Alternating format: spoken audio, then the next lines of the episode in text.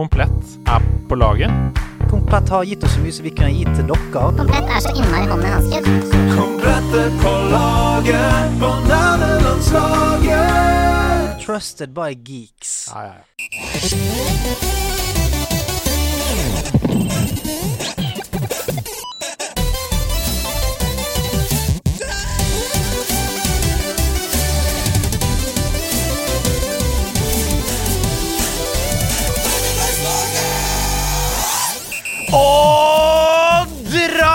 Krakk, eller krakk glaset bort av draget! Det har jeg ikke sagt før. Og så setter vi oss og ser og prøver å finne leia der pinsehelga var. Men den er over, for nå er det nok en episode av Nerdelandslaget på menyen. Og eh, ja, her er vi da. En hurragjeng som vanlig. Mitt navn er Sebastian Brynstad, og rett overfor meg sitter han en mann med eget merch nok en gang. En eldgammel Nerdelandslaget-T-skjorte kun for de innvidde. Andreas Hedemann. I came here to chew bubblegum and make a podcast. Har du lyst til å And? I'm all out of bubblegum. Har du lyst til å prøve Den igjen? er så lang. Den er altfor lang. Jeg kan ikke prøve en gang til. Nei, en gang til. Dere tåler det. Skal I came here to chew bubblegum and make a podcast. And I'm all out of bubblegum. Der er du. Perfekt. Eh, Ja. Det er jo en Duke Nukem-homasj. Det er det, og det er Mats som har sendt den inn, så da kan vi kalle han for Duke Mats. da. Ja, Mats Nukem, eventuelt. Mats Nukem er bedre. Ja,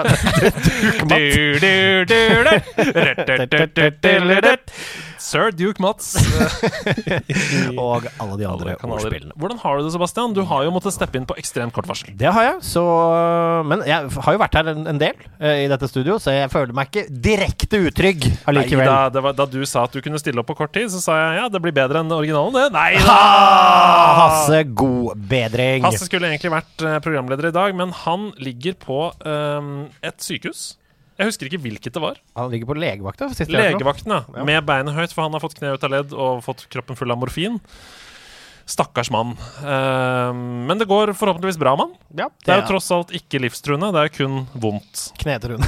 Ja, det er det. Det er det Nei, Men eh, man skal ikke le av an annen manns vondt. Neida. God bedring. Men eh, desto mer imponerende at du kunne steppe inn på så kort tid. Hva, hvordan har du det? Du, jeg, jeg har det fint. Det er eh, ingen tvil om at man er sliten før sommeren. Man, begynner, å kjenne, man begynner å kjenne året. Uh, skal ikke ljuge på det. Nei. Men i godt humør, Andreas Hedman. Det er oppløpssiden nå. Vi er dypt inne i juni. Vi er det. Ja. Vi er det. Dypt inne i juni, og det er lov å si. Ja, ja. men jeg tenkte med en gang Hotell Cæsar-følelsen. Ikke sant? Og da vet du ikke. Er det Georg Anker Hansen som er dypt inne i juni, eller er vi dypt inne i måneden juni? Det er vanskelig å vite. Jeg husker ikke familieforholdene her heller, merker jeg nå. Men nok om det. Ja. Eh, det verste er at dette kan vi ikke ta i klippen heller. Nei, Gå ja. videre. Det er klart vi ikke kan det, men eh, det er, det er faktisk bare et par episoder igjen altså, av sesongen. Eh, Nederlandslagssesongen. Det har gått eh, unna. Det er, det er snart på tide å oppsummere. Vi skal ikke gjøre det i dag, men, men vi har jo tatt store steg. Altså, vi har begynt å streame alle episodene på Twitch. Vi har, det, er, det er veldig mange ting vi har gjort. Det har vært en eh, sesong, og vi har eh, opplevd mye. Og mer skal det bli. Jeg koser meg alltid med nederlandslaget. Det er, det er som et herlig lite hvileskjær i en ellers hektisk hverdag. Ja. Nei, det er, vi skal som vanlig snakke veldig masse om spill. Uh, jeg har det også bra. Takk som spør. ja, du, men jeg, jeg spurte med øynene, det er ikke så mange som så det, men jeg gjorde et sånn veldig, veldig riktig nikk. Ja da, og Camilla har blitt litt småsjuk, sånn at da er det jo flere eh, av husets plikter som faller over på meg. Eh, det er jeg dårlig på. Det er hun uh, ekstremt mye bedre enn meg på. Så da blir jeg sutrete, som uh, ikke er så godt mottatt hjemme. Er du en typisk 1800-tallsmann hjemme, Andreas? Nei da, jeg er ikke det.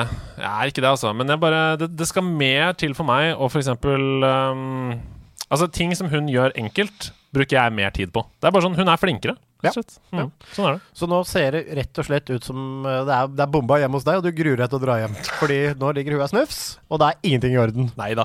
Alt er, alt er vel, altså. Spiser er du egg fra en sko med en kam når hun ligger? Jeg spiste faktisk veldig god lunsj i dag, som Ja. hun lagde. Uh, pastasalat. Det var helt uh, Ok, så hun lager fortsatt mat. Jeg, lag- jeg, jeg lagde også egg og kylling ved siden av. Så vi delte pliktene. Vi delte pliktene. Egg og kylling, tradisjonsrike retten. Egg og kylling også. Det var, det var når, du hadde laget, når du hadde laget flere kilo egg og kyllingen sto opp fra sykeleie for å redde deg med en pastasalat. altså, det er noe utrolig morbid med egg og kylling. Det er liksom, hva kaller du det? Generasjonsmåltid. Ja, nei, jeg, jeg, jeg rydda um, Rydda kjøkkenet. Men før vi kommer helt i gang her, så har vi gleden av å gi dere nye, deilige gamingdeals. For Sebastian, komplett er fortsatt på lag. De er så på lag! Jaggu! Tema for juni det er selvfølgelig spill sommer. Den deilige tida med 40 grader ute, aircondition og RPG inne. Uh, det er det vi liker. Det er det vel ikke. Vi har som vanlig valgt ut tre produkter som du ikke får billigere noe annet sted, og som vi personlig da kan gå gode for, fordi vi har dem, har prøvd dem, liker dem, koser med dem, sover med dem, osv. Ja, du får rett og slett ekte tips. Dette blir ikke prakka på oss, dette velger vi sjæl. Det er det vi gjør. Først ut så er TV-en som jeg gamer på. Samsung Neo QLED Q990A. Den ble kåra til årets TV 2021-2022 av fagbladet Elektronikkbransjen. Og der har du folk fra både Elkjøp og Komplett og Ekspert og Nei, Power heter det nå. Power, og mange andre steder. Så dette er ikke noe kødd. Altså, dette er ordentlig. Eh, og den ble kåra til årets TV foran LG OLED C1, som jeg har skrytt av før i denne podkasten. Som er den jeg gamer på. Ja, Eh, og Samsung Neo QLED er den beste TV-en jeg har eid. Den har aldri vært billigere enn den er nå. 55-tommeren er satt ned fra 17 000 til 10 000. Eh, det er rimelig, ja. Der tar den en liten innersving, vet du. ja, og vi gjør jo et samarbeid med Samsung i disse dager, så hvis dere hører noe Samsung andre spotter her, så er det jeg som snakker om akkurat den TV-en, mer om den. Men jeg kan bare si at det er et superbra kjøp til den prisen. Den gjør mye mer enn det du kan forvente av en TV, rett og slett. Konkurrere med monitorer. Så jeg mener at du ikke trenger å bytte den ut på ti år hvis du kjøper den nå. Det er ikke noe fare for at vi får 8K på NRK, folkens. De har ikke serverpark til det. Ti år, er, det er hårete, men Jeg tror det. eh, ja, Jeg tror nei, altså, du må ikke bytte ut på 20 år, da. Det er ikke noe tvang. Og hvis du syns at 55-tommeren er for liten, så er 65-tommeren også på tilbud. Og det er kanskje enda sjukere. Den er satt ned fra 22 til 13 000. Det er billig for en 65. Og husk, folkens, det blir aldri for stort TV! Det blir aldri for stort! Nei, det gjør faktisk ikke det. I den neste kategorien så syns jeg vi har vært litt lure. Så. Vi har vært litt lure, fordi det er ingen av oss som er noe spesielt gode på PC, Andreas. Nei, vi har litt Specs og sånn. Ja, Jeg har nettopp fått meg gaming-PC. Ja. Ja, det, altså, det, ja, det er dårlig, men, er, men derfor har vi sendt ut uh, selveste Sneak og Demiralos fra altså, to av nerdelandslagets tech-eksperter fra Hardware-kanalen på Discord. Og de har valgt ut et par gode PC-deals. Ja, for Sneak han gikk nesten i fistland da han så at eh, 32-tommerskjermen Samsung Odyssey G5 var satt ned fra 4000 til 2200. Han skrev på melding til meg på Discord dette er helt amazing! Så da er det jo det. Jeg har testa G5 selv. Vi har snakka om den før her i podkasten også. Den er helt spesielt bra. Jeg vurderer å kjøpe to av dem nå, nå som den er på tilbud, for å bytte ut de to 27-tommerne jeg har eh, med disse isteden. Og idet jeg hører at en G5 ligger på 2-2, så tror jeg jaggu denne fyren skal ta seg en liten tur på ja! Ja, den er helt nydelig, den skjermen. Ja, Det er, det er helt nydelig. Altså, vi skal ha ett siste produkt, eh, Andreas, og det er en liten kjepphest for oss to. Vi er jo veldig glad i lyd, og, Ja. for det er veldig deilig å spille med andre som har god lyd på mikken. Mm. Men det, det kan ofte være litt sånn, en liten bøyg da, å investere i nye mikker eh, for folk, og det kan vi skjønne veldig godt. Men derfor er Razer Siren det er et veldig godt alternativ. Og det er super entry level-mikrofon, og den koster bare 299. En helt sånn, eh, en genial liten bordmikk, og hvis du har en dårlig skøddete headset-mikrofon eller sånn, denne raises the bar. Mm. Og det er verdt den investering altså, dersom du fortsatt bruker headset-mikk. Det er såpass mye bedre. Eh, og ja, den er rosa. Det, det er ikke noen andre enn du som skal se den. Så det, det, Og vet du hva? Den er rosa. Jeg ville vise den til alle. jeg. jeg kan love deg at alle andre kommer til å sette pris på det. Jeg sier ikke at rosa er stygt, jeg bare sier at rosa er en uh, splittende farge. Det Det er, ikke er sånn, det er ikke sånn svart eller hvit, liksom. Det er, Men det er en splittende farge. Men det er god lyd. så nok en bråte med gode deals som du ikke finner billigere noe annet sted. Komplett på laget. Komplett har gitt oss utrolig mye, så vi kan gi det dere. Der er du så god! Jeg er god på det. Men en annen som er på laget, det er dagens gjest, og her kommer han. Ukas gjest vokste opp i Oslo, gikk på Skøyenåsen skole og kan dermed med all overhengende sannsynlighet forberede seg på et æresverv i Østensjøvannets Venner. I 2013 manifesterte han sin posisjon som bydelsentusiast han forsøkte å bevise at en vaktmester gikk igjen på Østensjø skole fordi en dør gikk opp på en av seg sjøl. Ingen skal si at ukas gjest ikke er initiativrik. Da han var i Calgary i 2015, forsøkte han desperat å rive en sort søppelsekk i to ved hjelp av setet på et offentlig transportmiddel. Som så mange andre Oslo-gutter trivdes han godt i barndomshjemmet på Golia, der han gnafsa i seg livretten pasta til alle døgnets tider, men alt dette er selvsagt digresjoner, for det er komikerkarrieren som virkelig har skutt fart de siste åra, og det er for undertegnede sjokkerende dersom vi ikke ser han i neste sesong av Ikke lov å le på hytta. Hans standup har tatt både publikum og internett med storm, og med showet Livsmestring reiser han rundt og forteller ungdom hvordan de bør leve. Ta vel imot komiker, allergiker og spilleglad Halvard Dyrnes! Halla! Hei! Det er en litt creepy introen jeg har hørt. Du har, du har vært på Facebook, du. Ja, du har vært på Facebook. Er det nå du innser at du bør begrense hvor mye du deler med om offentligheten? Du, det Ja, det er helt riktig. Går det rett inn i showet ditt om hvordan ungdom skal oppføre seg? Åh, jeg går jo Nei, det er jo da et Jeg har vært på Kulturelle skolesekken-turné. Ja, ja. Det eh, er brutalt. Det er brutalt, det! Ja. Og hva er det som skjer da? Nei, Da kom jeg inn i eh, gjerne kantiner på videregående skoler og gjør livet verre til videregående elever i 45 minutter. Det er ingenting altså, eh, Jeg har gjort mye uh, bomba om ass, på standup-serien, men det er ingenting som er verre enn å vite at du har tapt mot matte. Ja. oi, oi, oi. De ville heller ha Ja. ordfag, har du det? Ja. kanskje? Ja. Jeg var i et fengsel, og det var en fyr som gikk. I fengsel?! Ja. Så midt, midt under showet så var han sånn Kan noen ta meg tilbake på cella mi? Og han var tatt, satt i isolasjon nå. Ja, ja. ja, for dette var høysikkerhetsfengsel. Dette, var sånn, dette var bare masse drapsmenn. Det er jo morbid. Men hva er det du sier da, som er så dørgende kjedelig? Nei, det er jo eh, altså, Som regel går det jo helt fint, men det er bare noen ganger. Hvis Ja. det er Skal vi kalle det byggfag på skolen, Ja, Ja. for så er det litt Ja. vanskelig. Ja, men folk som ikke er så interessert i de tingene, Ja. kan du si. Ja. uh, ja, jeg skjønner. Ja, eh, var det, var det andre ting du reagerte på i introen? Noe som ikke stemte, eller stemmer alt? Eh, jeg husker ikke det med den søppelsekken. Nei, det var, du, det var, du sitter på en buss i Calgary, så er det, det er noen som har filma deg. Så skriver Ja. dette er min favorittvideo fra Canada. Så har du en svart søppelsekk, og så tar du den inn under Jeg tror du var litt påvirket av diverse fluidium. Ja, Det høres ut som jeg har vært påvirket av uh, leskeholdig drikke på det tidspunktet. her Ja. Nei, det, var, det så ut som du skulle ha en søppelsekk som du skulle få til å bli i to deler. Altså Hvis du ser for deg håndtaket på en T-bane, så tar, tro, tre, tro du den inn der. Og så prøvde du å, prøvde å dra for å, at det skulle bli til to deler. Men dette var en del av den kulturelle søppelsekken du ikke skulle si. Ja, ja, ja.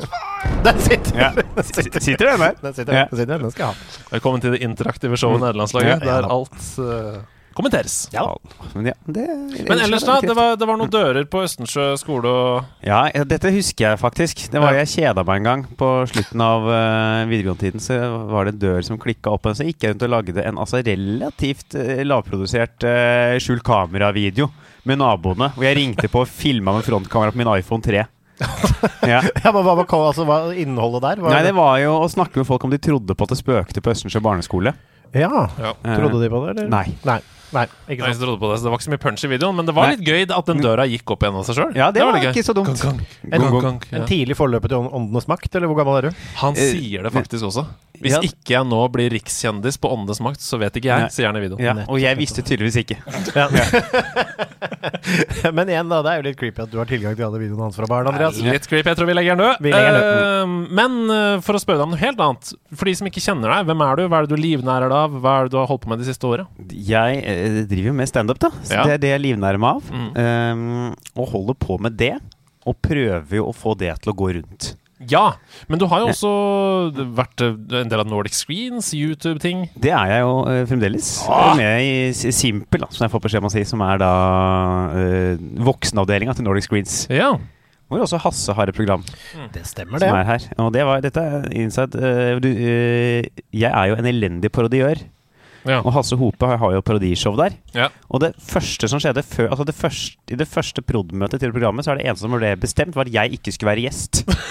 det er det første som ble bestemt, at vi skulle lage parodiduellen. Ja, men ikke av deg. Det var ikke du som Nei, avgjorde. nei, nei. Jeg var eh, Dette var ble ringte, for da var jeg akkurat liksom begynt å være i det, i det produksjonsselskapet. Og da ringte Lars Hansen, som jeg kjenner godt, som er liksom, produsent der. Ja, nå skal han Hasse Hope starte et Det er helt i starten av parodiduell der. Og da ble vi begge enige om at vi har ikke funnet hva konseptet skal være, men det skal i hvert fall ikke være at du er med. Ja. Og dette måtte de disklemme med en gang, for ellers så dukker du bare opp? Eller? Nei, nei, det var vel bare at han skulle si det, sånn at ikke jeg skulle bli fornærma på hvorfor jeg ikke var gjest i et program. Men oh, ja. eh, jeg sa til han sånn Det det høres lurt ut, ja. Men er det fordi du er viden kjent for dårlige parodier? Det går ikke, ass. Nei. Det er ikke snakk om. Ikke én, liksom? Jeg kan Johnny Christiansen, standup-legenden. Ja, ikke sant? Ja, men Den Ja. er vanskelig. Men kan vi få liksom én setning fra Jonny, eller? Det er det bare Ja, dattera mi er 17 og 19 og Den er jo for Den smal. er veldig, den er veldig smal. den er De, som er fra, de som er fra Josefines gate. Ja, Ja. De, de, de kjenner den Og når godt. du da kan eneste parodien du kan er det, så kommer du deg ikke noe vei på parodifronten. Og dette grunnen til at dette nevnes, er selvfølgelig fordi vi skjønner jo nå at det er ikke Halvard som skal ha karakterkort i dag. Det, Det er, det, ikke, det er ikke det, nei. det Det er har vi etablert. Men det. Det er. Halvard, her Mm. i dette showet vårt så handler det om gaming, nerderi, koseting. Så ta oss med tilbake til der det hele begynte. Hva var din første møte med spillverden? Hva var ditt første møte der? Da først Det var at uh, jeg bodde i rekkehus uh, i Østensjøveien 44B. En lang uh, gate. På toppen av gata så var det et brunt hus. Der bodde det en ett år eldre enn meg gutt som gikk i barnehagen sammen. Han og broren hadde Smash Brothers til Nintendo 64 og Mario Party. Og jeg fikk da komme opp der og være med de og spille Smash Brothers. eh, til min mors store forskrekkelse, for jeg mente dette var for voldelig for en fire år gammel gutt. Ja. Så da jeg fikk min første PlayStation, nei, Nintendo 64 ett år etterpå, i en alder av fem, så var det da selvfølgelig ikke noe Smash Brothers mer. Nei. Men jeg fikk låne det av nabogutten. Cool. Hva, hvilket spill fikk du på dine første? Du, jeg fikk en, da, Pappa kjøpte en brukt Nintendo med masse spill til. Så jeg Wow. fikk Mario 64, ehm, eh, Mario, Go Mario Kart Ja, ja, ja. eh, 64. Så var det med sånn flyspill.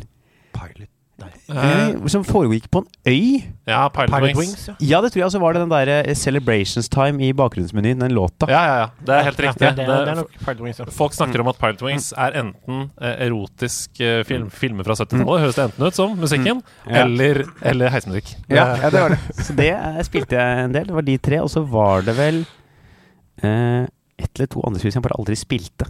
Mm. Det var de tre Kan vi bare kontemplere litt med at uh, faren din kjøpte da Nintendo 64 med mange spill før Finn! Han må ha kjøpt den på rubrikk.no, eller Ja. QXL, eller noe sånt. Ja. Ja, dette, for dette her var jo 90-tallet. Ja! Så gudene veit hvor han fikk tak i den brukt, altså. Ja, det, Kanskje det var TV2-torget? Tekst-TV? Torget? Ja, Ja. Eller kanskje faren din var en, uh, spilte mye poker i de mørke kjellere. Og, Ah. Fatter'n var jo på pokerlag med venner av seg. Ikke Ja. sant? For det er fort gjort å spille en kompis fra gård og grunn og unge Ja. 64. Altså. Ja. Men det er gøy. Du fikk altså Nintendo 64 da du var fem år etter å ha eh, spilt i helt et Ja. år hos vennene dine. Det kan hende jeg var seks. Jeg var fem eller seks, tror jeg. Ja. Jeg tror vi skal til 99 eller 2000. Har du sterke minner fra den tiden? Altså spillminner? Jeg har jo sterke Mario 64-minner Ja. fra de første årene, og så kom Paper Mario inn og tar over eh, fra 2001 inn der, ja. Ja, så da, da falt du for RPG-ens kraft, rett og slett. Ja, Mm. rett og slett. Blei eh, inn i en mer, og det var et fantastisk spill. Jeg har eh, Mario 64, husker jeg, og husker jeg det flyspillet. Fløy mye rundt og holdt på med det. Ja, det er nydelig. Uh, var det liksom Var det bare uh, 64, altså Nintendo 64 i vennegjengen rundt på skolen, eller var det noen andre som hadde andre konsoller? Eller var det bare Nintendo 64 det som var liksom greia? For det var det hos oss, nemlig. Det var, det var nesten ingen andre som spilte noe annet. Noen spiller PlayStation 1, men veldig mye Nintendo 64.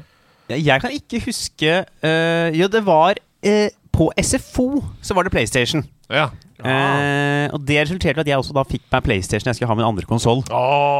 Men, uh, ja, for det, det var en uh, knakende rå maskin, det òg, i sin tid. Ja, Ja, ja, og- PlayStation 2 var det eh, vi hadde. Og jeg lærte jo forrige dagen Jeg lærte forrige dagen at Crash Bandicoot 1 utsolgte Altså solgte flere eksemplarer enn Super Mario 64. Er ikke det sjukt? Hæ?! Det Tenk på det. er absurd. Crash Bandicoot 1 på verdensbasis inntil eh, Super Mario 64 kom i remaster på DS, hadde solgt flere eksemplarer. Mm. Altså, det var jo uh, PlayStation 1 hadde jo, en, uh, hadde jo god hype, den Mm. maskinen også. Det var jo et veldig bra spill av Crash Bandicoot i sin tid. Nei, men da har vi jo liksom Nå har vi fått etablert hvor det begynte. Jeg tror Ja. mange har et sånt bilde av deg som gamer-kid nå. Uh, og det høres ut som du har spilt veldig mye, da. Hvis du bare Du hadde både PlayStation og Altså, Jeg har brukt enorm mengde tid foran TV-en på å spille spill, ja. Eh, det gjør jeg fremdeles. Nydelig, men, Går jo uforholdsmessig mye tid. men du sier TV-en konsekvent, aldri noen PC. Jo, nå er det blitt litt eh, PC. Nå har jeg jo Jeg har jo gjort en ting som jeg lovte lovt meg selv å aldri gjøre igjen. Eh, For jeg brukte jo stort sett hele ungdomsskolen og videregående på å spille Ikke gjøre lekser, men på å spille Football Manager. Ja. Eh, og så sa jeg i 2015 at nå er det nok. Ja. Nå holder det. Nå må jeg gjøre andre ting med livet. Men for to uker siden så Sprakk som en død. sprakk jeg som et uvær. Siden har jeg ikke gjort noe annet. Så du er tilbake på kjøret? Jeg er tilbake på kjøret. Nei! Jo, jo, jo, så i går så vant jeg The Treble med Milan. Nei! Jo. Ja, men det er deilig. Ja, det er det. I fjerde sesongen. Oi, men det er sterkt, Ja, Vant det double i tredje sesongen. Men du valgte å gjøre dette etter korona? Det er jo ikke lurt. Eh, nei, men det er Jeg holdt, jeg holdt lenge. Eh, men så til slutt så sa det stopp, altså. Ja. Men spiller du det nyeste, eller spiller du et godt gammelt? Nå spiller jeg det nyeste. Ja, ok. Så det er nå Football Manager 2022 som uh, turer, turer og går. Men trigger det de samme dopamin? Altså, jeg skjønner jo da at du har en lang Vi kan jo kanskje begynne der, da. Du har en lang historie med manager, skjønner jeg. Ja. uh, fortell. Uh, Football Manager. Ja, altså, hva, Ja. hva, hva, hva skjedde her? Det, det, altså, det trigger jo. Det er en, en dopaminrus og en Altså, det en eh, eh, Jeg kan bruke da eh, time på time på å sitte og søke på Feide fordi jeg trenger en ny komplett wingback. Ja. Og vite sånn Skal jeg prioritere At han er god på markeringer? Eller skal jeg det holde at han er god på posisjoneringer? Ja. For at det problemet skal oppstå, når problemet skal oppstå? og hvor mye trenger jeg at han skal angripe? Ja, og Hvor aggressive er Ja. stopperne dine? Går de fram i banen? Og Ja. Da vil, han gå inn og dekke Ja, rommet, ikke så må du ikke sant, på det nye spille gegenpress hvis du skal virkelig lykkes. Så da ha stoppere med under 15 i fart. Det går ikke, det. Det går ikke, det. De, står for, de har ikke sjans, så da må inn og finne ut da er en stopper som er kjapp, men samtidig ikke helt idiot på å spille ballen. Men dette er jo next level FM, da. Ja, ja. Eh, mange vil jo bare lytte til hva scouten sier, f.eks. Ja, det, Scoutene er jo idioter på det nye spillet. De er jo totalt øh, tilbakestående, fordi i hvert fall hvis du tar over Nå har jeg AC Milan, og det er jo ifølge mine speidere et lag midt på tabellen i Serie A. Ja. Sånn at en spiller som de mener er altså, den beste signeringen klubben noensinne kunne hatt, er en helt middels øh, spiller for Cagliari. ja. Eller Danny Drinkwater, f.eks. Danny Drinkwater er, uh, ville de sagt, han må du kjøpe for enhver pris. Få inn han, og Ja. hvis du klarer å lure en Djeko inn, så er du da, da er du mål. Jeg lurer på jeg fikk en A pluss-vurdering faktisk på Edin Djeko første sesongen. Som det beste spissen jeg kunne fått tak i. Ja, ja, ja. Nei, det, Nei, men dette, dette maler jo tydelige bilder. Og du, vi pleier å spørre FM-fantaster om liksom sånn, hva er det beste kjøpet i din karriere. For det er jo sånn, man pleier å finne en sånn gem. vi pleier å spørre, det vi pleier å spørre om, er hva er det beste kjøpet i karriere, og, og hvorfor er det Gabriel Ochoa? Åh, det er ikke Gabriel Ochoa.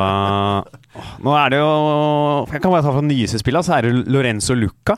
Oi! Ja. Her er det innsideinformasjon til de som spiller FM 2022. Eh, kanskje beste spissen jeg har hatt på Football Manager. Oi!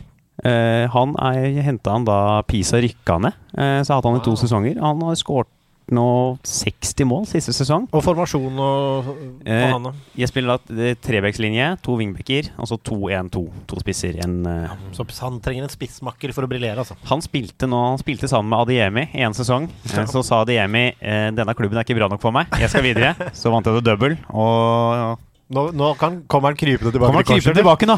Angrer seg nå. Ja. Stakkars Karim Madiemi skal tilbake. Stormer du mye ut fra pressekonferanser og sånn som manager, eller? De, de tar ikke pressekonferanser. Nei, ok. Mystisk type. Ja, så det er jeg På spillet er jeg veldig mystisk. Ja, det er, det er bra. Men det hender at hvis jeg er enslig eh, hjemme og jeg går rundt og tenker for mye på FM, så jeg kan faktisk tenkt såpass mye når jeg spiller FM, at jeg kan gå rundt hjemme alene og ha fiktive pressekonferanser som den manageren jeg har. Hva jeg ville ha svart hvis det var meg på en ekte pressekonferanse. Så det har jeg gjort. Jeg har sittet hjemme og tenkt sånn ja, det er vel det jeg ville ha sagt der, og burde hatt samtaler med fiktive managerkollegaer i hodet. Du har nettopp vunnet et treble med Milan. Ja. Spørsmålet vi også pleier å stille FM-folk. Pynta du deg for CL-finalen? Nei, jeg Ja, gjorde ikke det. Så du er, fortsatt, du er fortsatt på akkurat så vidt på den riktige siden av batshit crazy her, Ja, altså. men eh, jeg skal ikke si at jeg ikke jeg vurderte å hente ut dressen. okay. Men held, heldigvis for meg, eh, sånn at jeg var sikker på at ikke det skulle gå, så måtte jeg Så har jeg, la jeg igjen dressen hos mamma og pappa på lørdag. Å ja, smart, ja. Ja. Det, er, det er lurt, Av ja. andre årsaker. Men eh, Vi hadde jo Ole Kristoffer Ertvåg på besøk her, og Mm. skuespiller. Og han gjorde det. han tar gjorde på seg dress til CL-finalen. Ja. Han skal være manager. Jeg, jeg, jeg, blir- jeg blir så sinna når jeg taper, at oh, ja. jeg, jeg har ikke råd til å ødelegge dressen min. Nei, det. River du av deg klærne når du taper? Jeg, jeg har ødelagt klær når jeg har tapt Football Du, Manager-kamper. for, du er ikke en fyr som slår i bordet, da. Du river i klærne. Ja, Han, han ville ødelegge pose på TV-en. Ja. Jeg har eh, jo det roa meg. Jeg husker da jeg var yngre og spilte FM hvis jeg tapte. Jeg har ødelagt ting, ja. Ja. Ja, ja. Dør.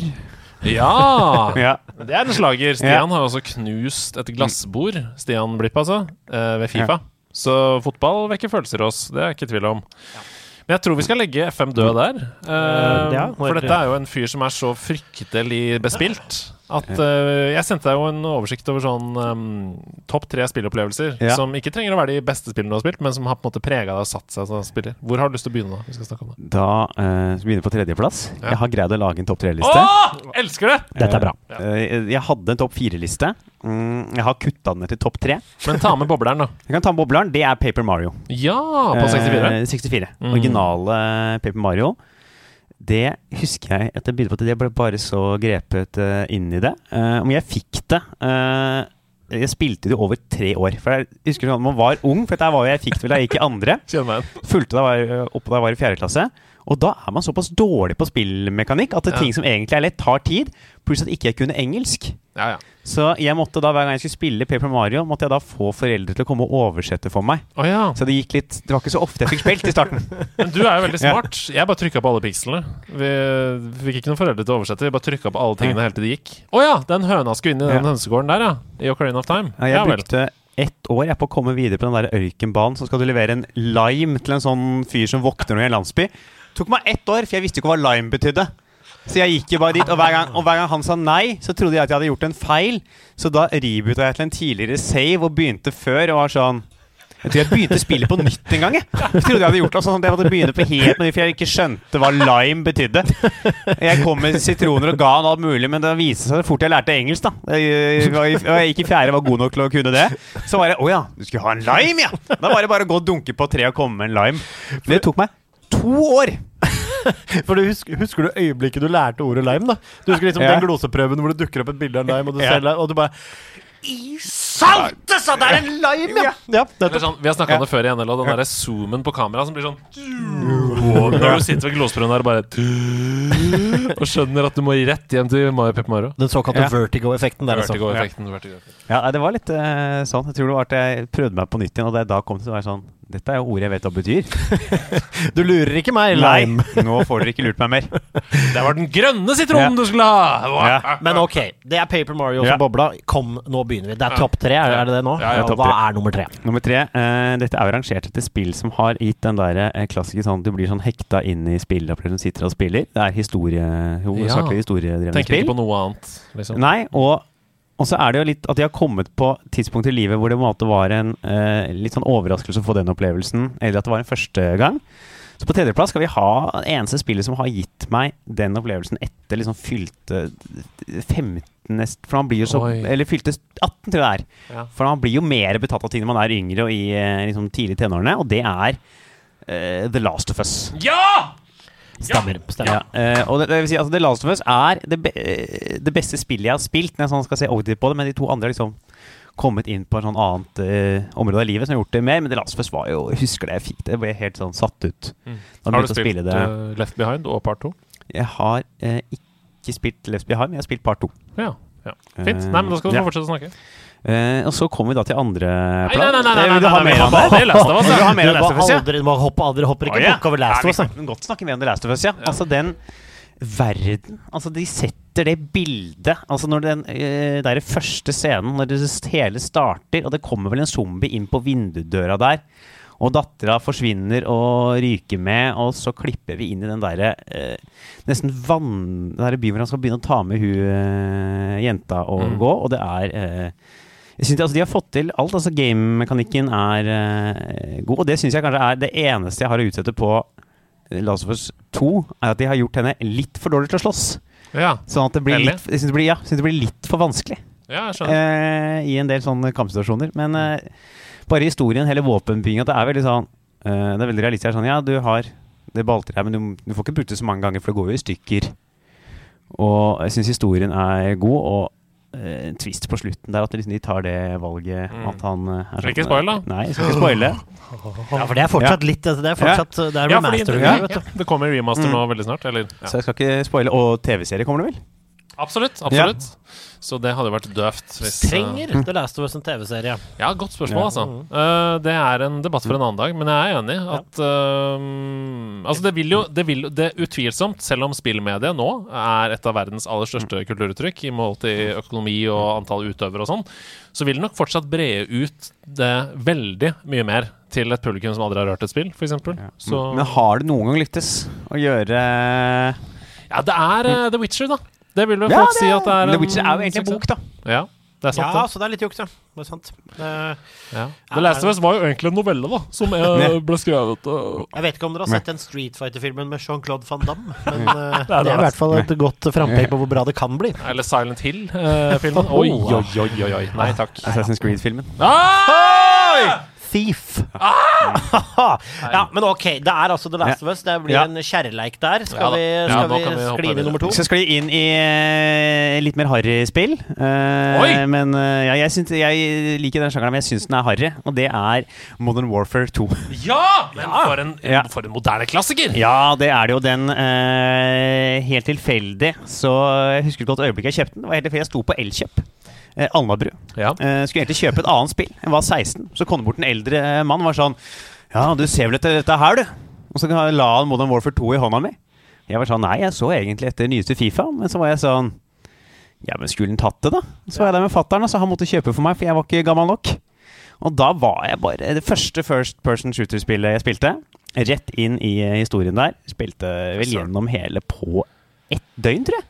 Det er flaks ass, at det første FPS-spillet du spiller, regnes som da en av de kanskje beste Ja. singleplayer-campaignene i FPS som er lagd. Ja, så det har nok også medført at jeg har vært at Jeg nå blir skuffa hver gang jeg spiller noe First Person Shooter. At det, det er ikke så gøy lenger. Eh, Det er jo problemet med å starte på topp. Men gikk du inn i multiplayer-bobla, eller? Ja, Jeg gikk inn i multiplayer-bobla. Ja. Spilte eh, masse multiplayer. eh, og hovedsakelig Team Deathmatch var min greie. Og fikk to nukes. Oh. Ja. I din karriere, eller i Ja, i min karriere. i ett game? Nei, du, kan, du kan ikke få to, kan ikke få to i ett game. Du kan ikke få to i ett game, det går jo ikke. Altså, Har du fått en nuke, så er det over. ja, så har du fått en så er det over, men altså, nå tenkte han liksom på For, for Hedo er det vanlig med et par-tre per sesh, da. Ja, ja, ja. På en ingen slags måte. Nei, det er det. Nei, jeg blei jo aldri Jeg ble helt ok, eh, og koste meg masse med det. Så det spilte jo enorme mengder eh, online der. Mm. Eh, Det har, eh, for, ikke for å ødelegge, men det har kommet mange gode FPS altså, etter uh, Modern Warfare 2, hvis du ønsker deg tips.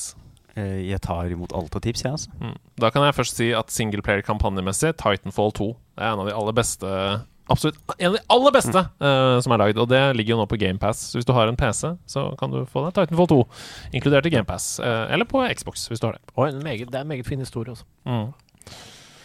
For eksempel. For eksempel. Ja, faen det riktig. Men det har jeg merka jo Jeg begynte å spille litt på Hva heter det? eh, G Warzone nå i løpet av pandemien. Ja. For å ta tilbake det. Og da merker jeg at folk har blitt for gode til at det er mot slutten der. Det er Ja. for mye svette tenåringsgutter Mm. og små, smårasisme i eh, nikkene til at det blei ja, definitivt. Ja, det, det, det Warzone, det er free to play? Ja. Ja, det er mm. free to play-delen av Cold Duty. da. Ja, for det er Battle Royale-opplegget. Jeg, jeg var Ja. vel innom det også, så ja, det, er, det er mye salte Det er mye salte FPS-er der ute. Men det er jo det i alle Battle Royals. da Altså Apex Legends sliter med det samme, Fortnite sliter med det samme. Uh, PUBG, ikke minst. Det er mye liksom name-calling. Hvorfor blir folk douchebags straks det er sånt? Fordi man blir så sinna når man taper. Det kjenner du igjen. Jeg kan kjenne igjen eh, å bli sinna når jeg taper, ja. Men jeg, jeg, jeg blir sinna, ikke rasistisk. Det er jo Det stor forskjell. Ja, for det er det jeg føler. Hvis du blir rasist når du er sint, så er du bare rasist. Ja. det er enig. Det er uvesentlig om du er sint. Ja, det er det. Er samme om du blir kasta fra en uh, karaokeklubb eller hva som helst. Hvis du blir rasist når du er sint, så er det kanskje et annet sted problemet ligger. Akkurat den, Ja. saken, den, den saken kan jeg ikke uttale meg om av naturlige årsaker. Ja, det skal vi ikke komme tilbake til. ok, men eh, da er vi ferdig med Modern Warfare 2. Hva er det som kroner som nummer én på din topp tre-liste? Også et uh, toerspill. Eh, Ja. Det er Sly 2. Åh!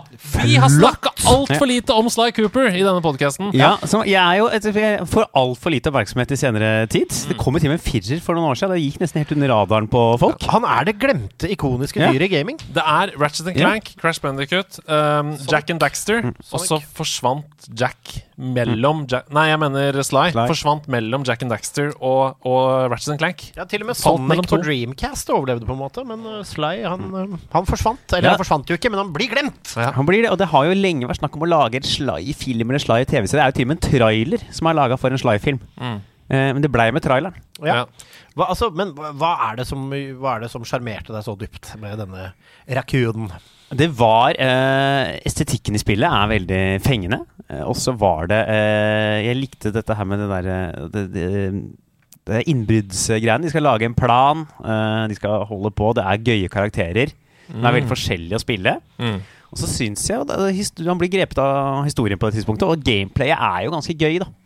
Det er jo gameplay ganske likt Assassin's Creed. Ja, det er jo I det. løpinga, hoppinga Ja, og det er stealth og Ja. viktig å snike.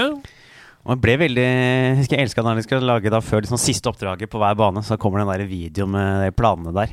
Så jeg satt jo lenge Jeg prøvde også å lage sånne planer for steder på skolen. Hadde jo til og med ordna, jeg og en annen på barneskolen, hadde begge spilt Sly, så vi gikk jo rundt i friminuttene med Vi hadde tatt noen pinner som vi hadde bøyd, så vi fikk samme form som den stokken til Sly. Ja. Og så gikk vi da i friminuttene og snek oss inn for å gå på do inne, da, for det var ikke lov. Og så snek vi oss ut igjen. Så det er jo gangstere på et veldig lavt nivå. Var dere på do ute på skolen din? Nei, men det var litt sånn Jeg lurer på det var litt strenge regler for hvordan man kunne gå på do og sånn i friminuttene.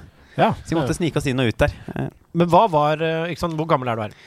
Her må jeg vel vært øh, fjerde klasse, tror jeg. Vi skal til tredje-fjerde klasse. Ja, ikke sant? Eh. For, for, for hvor gammel er du nå? Det er det. Nå er jeg 27. Jeg er 27, ikke sant? Så dette er lenge siden. Ja. Uh, uh, så da er, det, da er det Sly Raccoon. Altså, Ja. da, har du spilt alle, eller? Jeg har spilt alle Jeg har ikke spilt hele eneren. Den meg ikke. Å nei. Ja. Så Hvordan er, du? Ja. Altså, Hvordan er det på stealth-mekanikk generelt? Fordi Det er jo det som ofte gjør at folk ikke faller for Sly. Det at man må snike og sånn. Stian, for eksempel, han digga Sly, men Uh, han vil helst dundre inn i situasjoner hvis han kan. ja, for dette er jo uh, jeg er for Sly er det eneste spillet jeg noensinne har spilt hvor jeg driver med sniking. Ja, For der uh, er det Det syns jeg var gøy, men alle andre spill så er hvis jeg kan spille alt annet Det er sånn form for sniking, så jeg, man kan ikke bare gå inn hoveddøra og drepe alle istedenfor. Uh, Sly, eh, nei, der syns jeg det, det kan jeg kjøpe, for det, det er så lett å forholde seg til de lyktene til de vekterne. ja. Ikke inn i det lyset. ja. Da går det greit. ja, Det er derfor du liker det. Mens det er på sånn andre snikspill, så er det sånn Ser jeg meg nå, eller ser jeg meg ikke? Og så veit jeg at det er jo gameplay som bestemmer om man ser deg eller ikke. Mm. Så det Det er sånn, ja. Men ok, så du liker ikke når det blir for komplisert snik? For komplisert snik? Nei, Ja. det, da vil jeg heller inn og slåss, ja. Ja, ikke sant? Jeg vil ha enkel snik. Jeg, jeg vil ha her ikke stå der, stå der. Jeg sitter hele tiden og tenker på at det er mange ting du kunne skrevet på Tinder-bioen din her. Avan avansert sniking, Ja, eller driver med snik, driver med sniking. Ja. Vil ha enkel sniking. men helst inn frontdøra. Altså Men liker best å sparke i frontdøra og drepe alle der inne. Nei, det må du ikke skrive! Det, da, eh, da er det langt over grensen, ja. Mm. Ja, det slipper. Det går ikke gjennom filteret heller, det tror jeg. Men så gøy med Sly. Eh, Det høres ut som du er svært bevandret. Vi kommer sikkert tilbake til enda mer dypdykk i din historie, og spesielt eh, når vi skal snakke litt om hva vi spiller nå om dagen, som jo er et veldig bredt begrep. Med tanke på at du ikke har vært gjest før, så kan jo du Ja. si det siste året, for eksempel. Ja, siste året. Men, men eh, jeg spurte også om du ved en tilfeldig bonus hadde noen gode historier knytta til spill, som du husker. Er det sånn Ja, du fortalte jo f.eks. dette med of Duty Modern Warfare, Ja. at du plutselig fikk det. Det er typisk en Ja. Historie som kan være knytta til gaming. Jeg har en historie til eh, Altså, jeg har jo eh, en slags historie og en anbefaling eh, til noe man kan gjøre som har med spill å gjøre, men som kan koble utafor til Fifa. Ja, For det er jo en ting som jeg Dette er eh, Altså, her skal du Dette tar tid. Jeg og noen eh, venner av meg, som heter Morten og Even, vi har hatt siden 2014 et seriesystem på Fifa hvor vi spiller alle kampene, også de kampene som computerlagene har. Eh, og vi har lagd alle lagene i ligaen. Vi kaller det for Hemleague. Det består av Jeg har United, han ene kompisen min har Liverpool, den andre har Tottenham. Og de åtte andre lagene er lag som vi har laga med sånn ett lag med bare venstrebente, ett lag med bare folk på over 1,90, et lag med spillere som spilte i forrige VM, et lag som ikke spilte i forrige VM. Og så har vi da det er øverste divisjon, så har vi også en annen divisjon, for jeg har laget så mange lag til slutt. Og det, vi også spiller annen divisjon og rykker opp og ned. Og vi eh, fører statistikk på alt, alle som scorer i alle kamper. Og vi eh, kjøper og selger spillere, så vi starter med hvert vårt lag. Og så bruker vi verdiene på transfermarkt. Vi kan selge egne spillere og kjøpe andre spillere. Og får da pengepremier i eh, slutten av alle sesonger. Så der har vi nå så har vi ført ned alt. Vi har nå spilt i 21 sesonger. Holdt på i seks år. Og dette systemet her vil jeg bare anbefale folk å begynne med.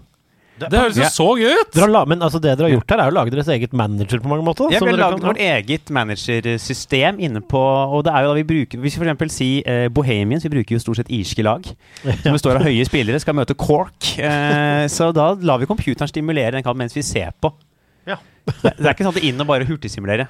Og, og dere ser match nå, ja? Ja, og så fører vi da opp målskårere, alle som har assist, hver gang keepere får rene bur og banens beste. Og da er det kåring av liksom årets spillere på slutten av hver sesong, og er toppskårere og Kan jeg bare si, Dere har jo bare laget et bedre spill enn Fifa. Så- Ja, ja, altså, for dere har laget karrieremodus en for Fifa er jo ganske dårlig. Ja, det er det. Ja. Dere har lagd en bedre career mode. Men gjør dere dette over nett, eller felles sammen? Eh, ofte, nei, altså eh, vi, Ofte så gjør vi det når vi møtes, men det kan også være sånn at vi kan sitte over eh, eh, FaceTime, hvor vi da sitter på hver vår PlayStation og spiller. Da må vi jo lage alle lagene hver for oss, da. Da er vi enige om hvilken taktikk de andre lagene skal spille med. og...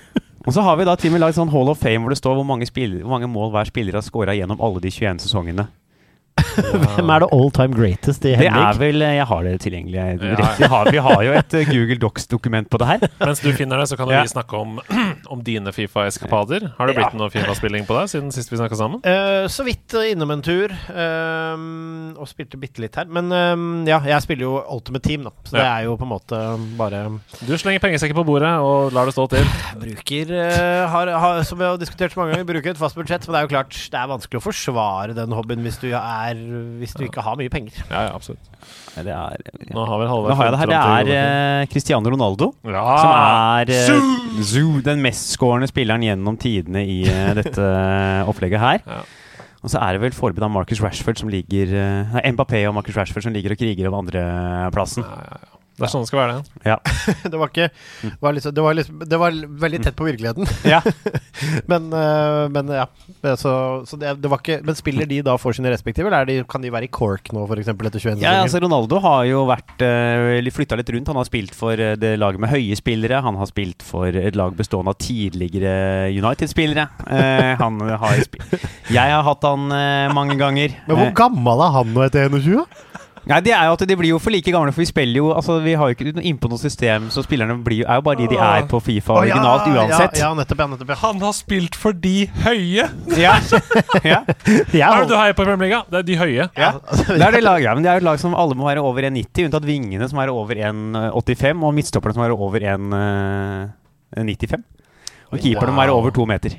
det, er, det er strenge regler for de høye. Ja. De høye, ass. ja. Det, det hadde lurt på om jeg hadde holdt med de høye. ja. Så har jeg Nei. Dette er gøy. Det er en drøm å ha besøk av deg, Halvard. Det, det, her er det jo en oase av spillhistorier som vi kan bare dykke ned i. Eh, og nå har jeg lyst til å høre litt om hva du spiller nå, jeg. Og da kan du tenke liksom i moderne tid, egentlig du, da. De siste, ja, de siste åra. 2020 til 20 nå. Liksom. Er 2020 til 20 nå, da er det gått i uh, mye i vel tre-fire forskjellige spill. Ja. Det er jo Football Manager hvert siste tiden. Ja, det har vi dekka behørig. Ja, og så har det jo vært uh, Jeg holder jo fortsatt på med Assassin's Creed Valhalla. Det er ikke så rart. Det er et evig spill. Ja, for man eh, Jeg er jo veldig Assassin's Creed-fan. Ja! Men de har jo ikke gjort det lett de siste fem åra De har ikke å opprettholde den eh, fascinasjonen. Men jeg er fortsatt såpass glad i Assassin's Creed at jeg greier et par måneder om gangen. Hvor jeg sitter og spiller, og så er jeg sånn Nå må vi ta en pause og roe oss ned på det. Vi husker alle den franske glitch-revolusjonen. Oh, oh. I Unity. Unity. Kan jeg si en ting om Unity? Som er, eh, der har de det mest provoserende jeg har vært borti i et spill noensinne.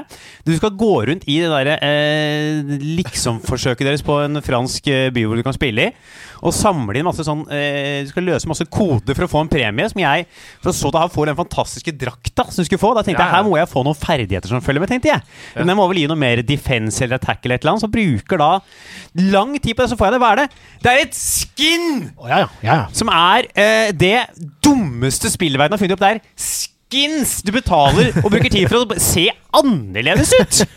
Hva er det for noe? Det er, så, det er, det er like dum som karnevalbursdager. hvor Jeg må møte opp ikledd noen andre. Det gir ingen andre ferdigheter. Jeg blir verken bedre på å sjekke opp eller drikke fordi jeg møter henne som Jonathan eh, fra Jonathan Hakkebakkeskogen, holdt jeg på å si. Men eh, hva heter det? Kardemommeby.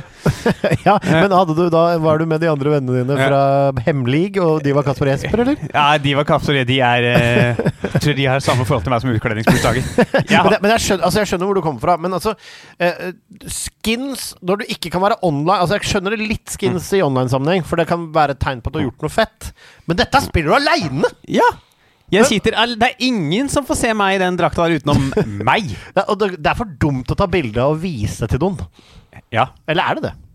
ja, det er for dumt. Det er for dumt, ja. Ja, det er for dumt. Det er ikke for dumt. Der får du all honnør hvis du sier Vet du hva, jeg har brukt 60 timer på å få det skinnet der.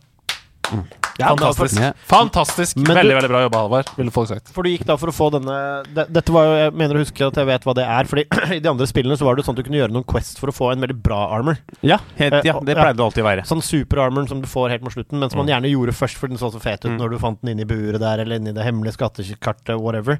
Men i Unity så var det bare en skin. Ja, det stemmer det. og det var, eh, det var for mye jobb for for lite premie. For det var ikke, og det var ikke et nytt Det var jo den drakta du hadde brukt i forrige spill.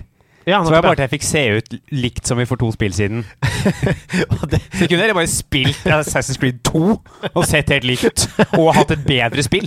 ja, og ikke kan noe annet på deg i karnevalbursdag ellers. det er jo et helvete, selvfølgelig. Ja. nå, nå kaller jeg deg konsekvent for Halvard, men du har selvfølgelig et gamer-nick også. Er det Godlia Gamer for 2069? Åh, jeg har et helt, jeg har et helt forferdelig eh, På PlayStation har jeg jo et nikk nick som de fleste andre har, og det er jo et av de flaueste nikkene nickene jeg vet om. Du er blant gode venner her. Du er trygg. Du kan åpne om, Eh, om fordi da jeg skulle lage online-nick, eh, da gikk jeg på ungdomsskolen, så var jeg sånn eh, Hva i all verden skal jeg kalle meg? Så var det en Liverpool-supporterklassen som het Liverpool Skills 1995. Jeg holder med United, så da ble det United Skillsen 1995. Åh, baller! Ja. Det er deilig. Og det er så flaut når jeg som regel spiller med United online på Fifa og taper. Og du da står United Skills, og du taper spesielt nå, for United er der de er. Så er det sånn ganske realistisk nickname. Men det du kan skjule deg bak nå når du spiller andre spill, da, kanskje litt vanskelig Fifa, akkurat der, men uh, United Skills Ja, det er liksom- forenede du spillferdigheter. Ja, ikke sant. Du forener spillferdighetene, du. Det er litt hyggelig. Nå er det to engasjerte folk her som uh, snufser mye i mikken, så jeg må bare be dere om å ta fem centimeter tilbake fra Ja, det kan vi ikke garantere deg her nå. Det, hvis det er mye, vært, vært mye åndedrag, eh, så er det, det er pollen og alt mulig i lufta nå. Jeg har astma, så jeg er unnskyldt. Ja, du har astma. Uh, nei, men det er gøy. Ok, Så Assassin's Creed-serien er en av de fire da, Mhm. store. Og så har det vært, eh, vært Fifa, da. Mm. Holdt på å komme opp i andredivisjon i sesonger. Ja. Um, jobba med, jobba med det. Har du spilt noe online der? Altså, Jeg spiller sesonger som Ja. ikke Ultimate Team. Nei. Det orker jeg ikke. Nei, det skjønner jeg. Nei, For nå kunne jeg lagt opp til en sånn Ja, hvem av dere har de beste spillerne og sånn, men det Det er nok da. meg, for jeg spiller bare med Frankrike. Så da Ja. får jeg de bare. Ikke, altså, du skal ikke se bort fra at jeg begynner å ha det reint Team of the Year-foot. Så. Oh, ja, da så! Da er det bedre! Ja. Toti, toti, toti, toti. Kom Nei. hit, Fifa. Ja. Og så har det vært en del av Warzone har jeg spilt. Ja. Uh, og så har jeg uh, vært, blitt eh, introdusert et online-spill av noen venner av meg som heter Smite. Ja! Som jo viser, mange mener er da uh, League of Legends for de som ikke er så gode. Det er helt riktig. Det, Hero, Heroes of the Storm prøvde jo å være Moba som skulle ta den posisjonen. Feila, fordi Smite var bedre. Så Smite har jo da rett og slett utkonkurrert eh, eh, Heroes of the Storm eh, i Moba-sjangeren. Så du, du spiller litt Moba òg, ja? Jeg, kan spille, jeg spiller akkurat det spillet spiller jeg. Og det, eh, for jeg har jo begynt jo under pandemien å spille online med et par eh, folk. Som har prøvd å introdusere meg for litt forskjellige ting. Det er mye, og det er mye. Jeg detter mye av på mye der. Prøvd på Apex. Det, det, det går. Det er akkurat litt for vanskelig. Eh, Mye gamemekanikk. eh, Det ligger i grenseland Fortnite. Det er ikke snakk om. Det er, det er for vanskelig. Ja, fordi er det, er det rett og slett altså, Dette vet jeg jo ikke, men dette spørsmålet kaster du til deg, Andreas. Fordi du pleier å vite sånt. Ja. Er det rett og slett Sliter disse med matchmaking, eller? Er det vanskelig å matchmake? Ja, etter hvert som spillebasen også går ned, så er det jo vanskelig. Men, men det er litt som Overwatch også, at dette er jo et lagspill, ikke sant? og man må være mange som skal spille sammen. Og da er det vanskelig bare å se på rank og lage et uh, bra lag. Fordi uh, det er mye mer enn det tallet som har å si om man f.eks. har god kjemi med de andre, uh, osv. Men uh, apropos toxic communities. Ja, Warzone, ja. Det, Ja, og Smite. Og Smite. Er det det? Ja, du, Det her er jo såpass eh, For vi spiller jo alltid sammen, vi tre eller to av oss. Mm. Så vi er jo aldri på noe chat med andre. Nei. Og slipper høre andre. Men jeg har vel blitt kalt Lurt. i tekstchat. Fått noe dritt slengt der, Ja, ja. Moba er sjenerøse uh, med toksisitet. Ja, jeg prøvde så vidt her. Jeg ble utfordret eh, til å spille noe Moba, og det er Altså, det tar altså, det, var vel Og så var det Pokémon. Jeg husker faen ikke hva det var engang, men det var eh, det er jo et sted du går for å bli lynsja etter to minutter. Hei, du, jeg er helt ny, level 1. Og du får liksom høre at du er verdens verste i spillet, og du Ja. Du ødelegger for alle de andre som er her. Jeg lurer kanskje på om jeg fikk beskjed om å forlate denne verden, jeg. Av en uh, fyr. Ja, Det er ikke uvanlig, det. Og det eneste jeg hadde Eh, gjort, var å bli drept to ganger av en fyr som var bedre enn meg i Smite. jeg, men- jeg mener oppriktig at noen av de tingene som blir sagt der altså sånn, eh, jeg, opp- altså Det skal være ytringsfrihet. Jeg mener at du skal få en advarsel, men jeg, de må begynne å parme Ja, selvfølgelig må det, og det gjør de også over en lav sko i veldig mange, og spesielt eh, League of Legends har jo Der blir jo folk eh, Du kan nesten ikke nyse engang før du blir banna der. Så det er bra, det. Det er bra. Det er bra. Uh, men da, da har vi kommet rundt det du har spilt i det siste, da. Ja. Det er jo en drøm. Eh, Hva med deg, Sebastian? Uh, du, det har vært eh, ikke veldig mye gaming i det siste, eh, men jeg kan, eh, du du kan gjette. Ja, det har vært Elden Ring, ja. Det har vært Elden Ring. Vært Elden Ring. Ja. Og uh, angående Elden Ring, hvorfor spiller ikke du det? Eh, Helt ærlig Det er to grunner til det. Ja. Det ene er at jeg ikke har plast på PlayStation min til nye spill. Sliter du med å slette? ja. Hvorfor klarer du ikke å slette ting? Nei, fordi jeg har hatt fire serier som jeg har spilt jevnlig. Ja. Eh, Og Warzone tar jo selvfølgelig 2000 giga. Men nå har jeg sletta Warzone, Ja, det er bra. så nå kan det hende det går. Beste spill jeg har spilt noensinne. Men jeg har også vært innom Fifa lite grann, og så har jeg runda ferdig Majoras. eh, Det snakket vi vel kanskje Ja, om? ja, nei, du sa bare at du var i gang med det, men nå er du ferdig altså, med maskespillet. Har eh, rundet maskespillet Mhm. Eh, med Fierce eh, deity og god stemning. Så det var deilig. Flying Colors gjennom 3DS-versjonen. der. Colors. Kan jeg låne deg det, da? Det kan du. For jeg har bare. Ocarina of Time-remasteren. Jeg har ikke spilt Majora's Mask-remasteren på Det er eh, veldig altså, Som vi snakket om forrige gang, med den beste måten å oppleve det på. Ah, det er rett og slett et nydelig Altså Det er to nydelige spill, Ocarina of Time og uh, Majora's Mask på 3DS. Det er mulig Mm. å finne seg. Har du ikke en 3DS, kjøp en i bruktmarkedet. Har du ikke spilt de spillene, kjøp en 3DS i bruktmarkedet og de to. Fordi Helt nydelig. Der kan vi trekke parallell til din fars Nintendo 64. Fordi på Finn så ligger det faktisk ganske mange flotte 3DS-er med mange spill tilgjengelig. Fordi Switch har tatt det markedet. Så, så 3DS er det bare å kjøpe seg, folkens. Der er det, jeg driver og gjenopptaker masse deilige spill der om dagen. Spiller Pokémon Black, f.eks. Helt nydelig. Jeg har spilt masse deilige spill. Men Selda, ikke noe forhold til det? Eh, jeg hadde Jeg spilte litt Zelda og det der som var på 64. Ocarina of Time. Ja, Mm. og det, var, det likte jeg veldig godt. Mm. hadde vel noe, tror jeg hadde noen Link-kostymer liggende hjemme på et tidspunkt. Hadde du det? Ja, det lurer jeg på om jeg har. Har du kledd deg ut som Link? Det ha, ja, ja! Det, det hadde jeg helt glemt. Det Du har du elsker å kle deg ut, men ikke på fest. Nei, dette, har jeg, dette hadde jeg glemt, men det gjorde jeg til og med hjemme aleine. Da jeg var jo yngre, kledde meg som Link. Og så gikk jeg rundt med Jeg likte jo ikke melk, men Link drev i det spillet og drakk masse melk. Så jeg fikk, en, fikk tak i en sånn glassflaske av pappa som jeg fylte med melk, og gikk rundt og drakk lunka melk hjemme. Mens jeg fekta med dårlig sverd. eh, London Milk. London Ranch sin melk. Så det fløy jeg rundt med Dette husker jeg, det var jeg. Ja, det stemmer, det. Nei, det er fantastisk. Da hadde jeg fått tak i en sånn grønn lue med, av, noe, av noe filt som hang på si der. Og sånt eh, Jeg hadde vel eh, laga et skjold av eh, Sånn, eh, vet, sånn som man henger Sånn som man pleier å stikke sånne ting inn i og henge opp ting på. Kork? Kork, ja! Ja. Som var klippet ut i skjoldform med gaffateip på siden og et håndtak bak. Og så hadde jeg et eller annet sånt eh, avbrekt Kaptein Sabeltann-plastsverd. Og så på med noe grønn kjole og et belte og eh, melk overført til glassflaske i eh, lomma. Men, spille, men spilte, det har du ikke. Jo, jo, for det var- jo mens jeg spilte det. Og For det var jo på 64. Jeg spilte jo Selda Jeg husker jo ikke hva det spillet het. Men. Men Ja, hva skjedde i, Det må ha skjedd noe imellom disse barneminnene her og det at du nå hater å kle deg ut på fest. Hva har skjedd? Du var jo åpenbart en cosplayer. Ja, dette her eh, Å ja. Nå kommer Andreas og retter på Der, mikrofonen. Det skjer ofte. Da skal jeg ha den på Nei, det, jeg har mista helt uh, det å kle meg ut. Så jeg kan jeg ikke er ikke noe glad i. Nei, I hvert fall, altså, Jeg kan godt gjøre det i profesjonelle settinger. Ja. Uh, så kan jeg kle meg ut. Men det, Eh, altså, kanskje du, det eneste du trenger, er grønn filt, et belte og en Ja. kasse melk for å få Kanskje tilbake være gloa. Kanskje det er det jeg skal, skal gå som Jeg droppa jo møte i bursdag til en god, god venn av meg for to måneder siden, siden det var utkledningstema.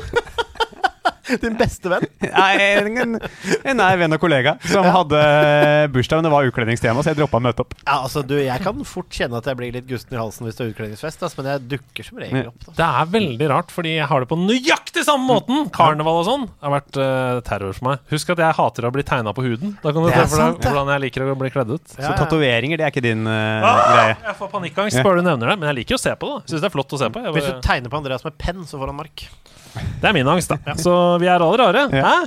Vi er alle rare. Vi er alle rare. Eller er det jeg bare som er rar? Men har du fortsatt en lidenskap for lunka melk i glassflaske, eller? Lunka melk i glassflaske? Nei, det, det, det skal, jeg- jeg skal starte med lunka melk i glassflaske. Så skal jeg jobbe meg opp til å greie å kle meg ut igjen. Så neste bursdag, da er det Selda-tema hjemme hos deg. Å ja, når jeg blir 28 til neste år, da er det Selda Ocarina of Time. eh, tema. Da må du møte opp som en litt sånn dårlig piksla figur hjemme hos meg. Jeg kommer, Ah. jeg, kommer, jeg skal være impa. Vet du hva jeg skal være? Jeg skal være han kjipe alven i, i Start i Kokiri Village som ikke slipper deg ut. Han står sånn Du får ikke komme ut før du har skjold og sverd! Nå skal jeg stå i, på do, foran doen. Men uten så mye som én strek på huden, ikke sant? Ja, ja, ja, selvfølgelig. Jeg skal bare se, ha vanlige klær. Skal ikke ha Du skal bare stå Du går inn i det sammen en noen, foran doen. sånn karakter som ba, alltid det fysiske. Ja. Sånn lekok- lekokkutdanna skuespiller som står i døra der og nekter folk å komme ut. Nå er Kommer det ut, ja. høykultur. Faen, jeg får inn, men det er ut du ikke slipper. ja. Men det er som teatermiljøet, det. Du kommer deg inn, men det er umulig å komme seg ut igjen. Ok, dere. Jeg har siden sist runda Citizen Sleeper-spillet. Jeg har lagd en anmeldelse av det, så det skal dere få høre etterpå. Eh, men jeg hadde tenkt jeg skulle spørre dere, Fordi det er jo et såkalt CRPG, altså et computer RPG, eh, som basically vil si tabletop, sånn som Dungeons and Dragons. Veldig tradisjonelt rollespill, bare på PC. At du kaster terninger, du får valg, og det kan være sånn her mm, Action failed, og da blir det ødelagt. eh, sidequesten er på sånn. Hvordan er dere på sånne spill? Har du spilt noen sånne typer spill i det hele tatt? Jeg har aldri spilt verken Dungeons and Dragons eller noen sånne type spill. Men har du lyst? Hvis noen hadde invitert meg på en Dungeons Dragons-kveld, så hadde jeg nok eh, vurdert det. Men eh, jeg har liksom Jeg har jo aldri gjort det, så jeg vet ikke hva, hva jeg hadde syntes om det. Nei, for det, det handler jo bare om fantasi, og den har Ja. du jo. Jeg har eh, fantasi kan jeg bidra, kan jeg bidra med. Nei, altså Jeg er jo en ganske rutinert level 5 bard uh, etter hvert blitt, uh, takket være i- våre venner i Grip terningen. Vi hadde jo et live uh, som man nå kanskje kan se. Ja Det er da, vel det blitt ligger på. Twitch-kanalen vår det, på VOD, og det kommer også på Grip Terningen sin podkast i neste uke. Og det var jo på en måte i hvert fall sånn i større målestokk. Selv om det var et kort adventure sånn sett, da, så, eller en session, så var det vår Det var vel ilddåpen i sånn ordentlig. Mm. Eh, og det var overraskende gøy. Eh, jeg hadde forventet at det skulle bli morsomt, men dette var jo live foran folk, og folk skulle se på sånn. Men eh, selve Ja. Og, og selvfølgelig avhengig av en god Dungeon Master, og Mm. det hadde vi. Og nei, Så det var overraskende gøy. Ja, For nå tenkte jeg egentlig først og fremst digitalt. Om dere har spilt noen sånne spill, sånn som Disco Elysium, da, for eksempel, som jo kanskje er det fremste eksempelet. Ja, Disco Elysium har jeg jo spilt, Ja, eh, ja. og det er jo et awesome mesterverk. Ja.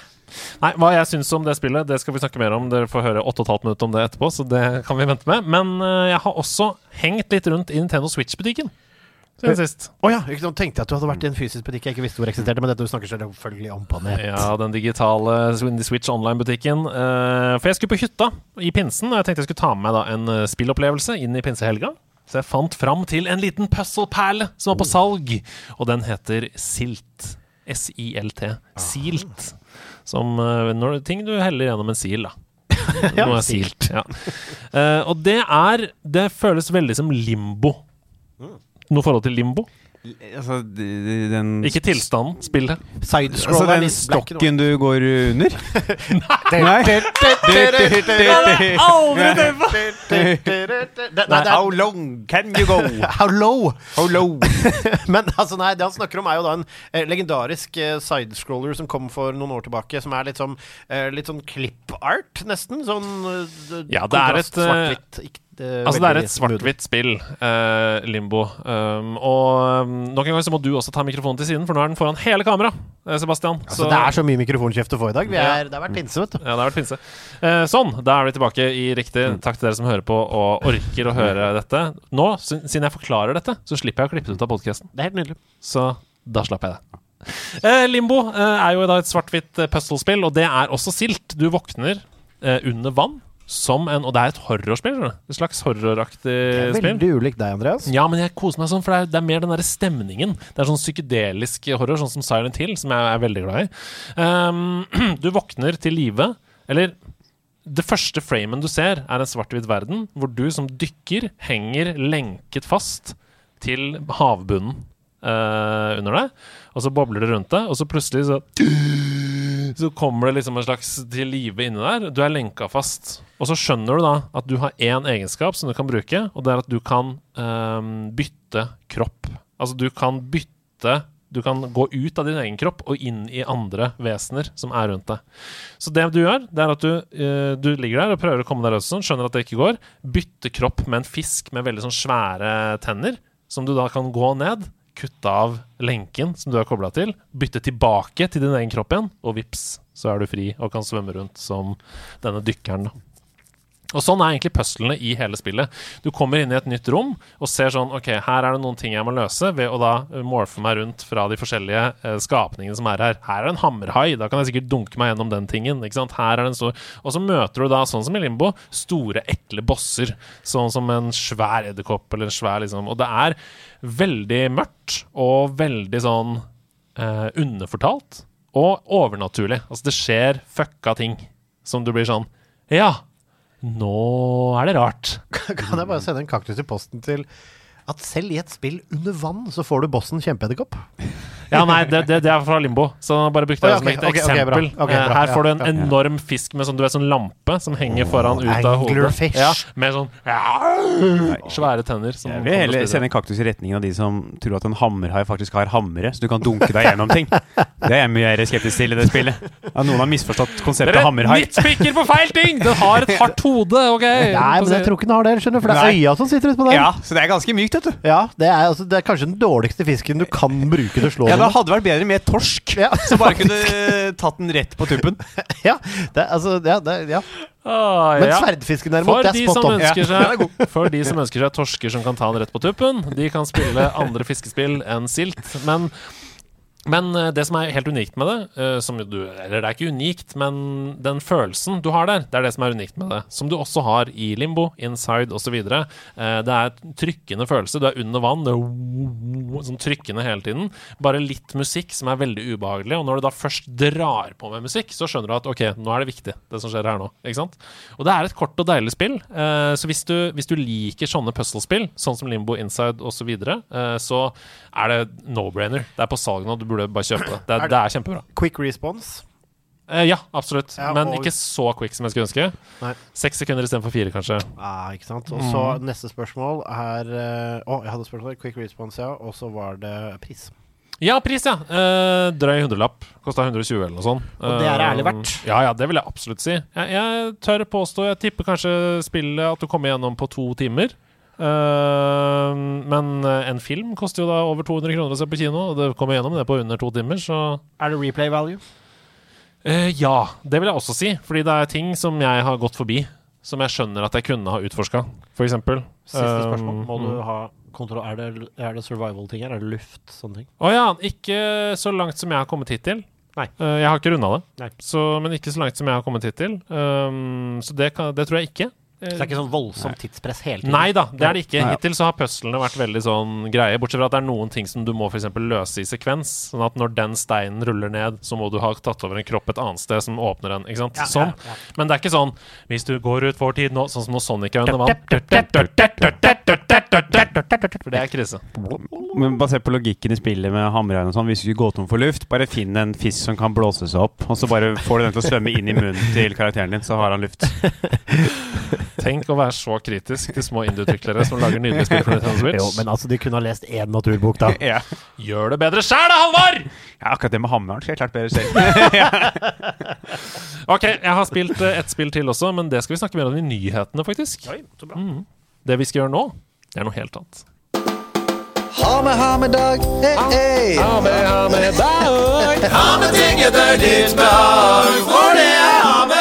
Og Sebastian han sitter der og han lurer skikkelig på Lurer på hva han blide fyren Alvar har med seg nå. Har tatt med seg noe fint som jeg kan knaske på.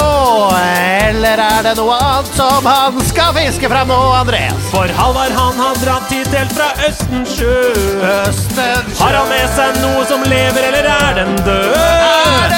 Han har vært en improvisatør, og derfor så er han imponert over skillsa som vi har presentert. Hei, for det jeg har med i dag. Nei, men det var, var, imp- var det improvisert? Det, er, eh, det, det, ikke, det var veldig hyggelig at du var lot noe overrasket over det, men ja, det, det var Ja, Det var kommer her nå. Det var ganske bra. Ja, takk, takk, Ja. takk. Har du fått med deg, Halvard? Du, eh, jeg var jo, som du sa, hjemme hos mine foreldre på Østensjø, hvor alle mine ting fra gamle dager er. Da de sendte meg Tenk å ha så flaks! Det er tur. Så jeg tok jo en tur inn i da det gamle skapet på gutterommet, og jeg greide jo ikke stoppe å ta med meg ting. Ja. Så jeg har med meg fire-fem ting. Ja, Det er veldig koselig! Full hamedag i Ja, ja, barnehagen! ja, ja. Så eh, jeg kan jo starte med at jeg har med eh, noen eh, ting som har eh, gode barndomsminner, og så har jeg med noe som bare er det rareste jeg har fått i mitt liv. Da trekker du de fram mens vi snakker litt Eh. om eh, forskjellen på tekstur av sopp og svamp. Jeg Hva har den, du har forskjellen Nei, altså, jeg har den her, altså. Ja, okay. Det er klart, altså, Takk Gud. er her Takk eh, Gud. allerede.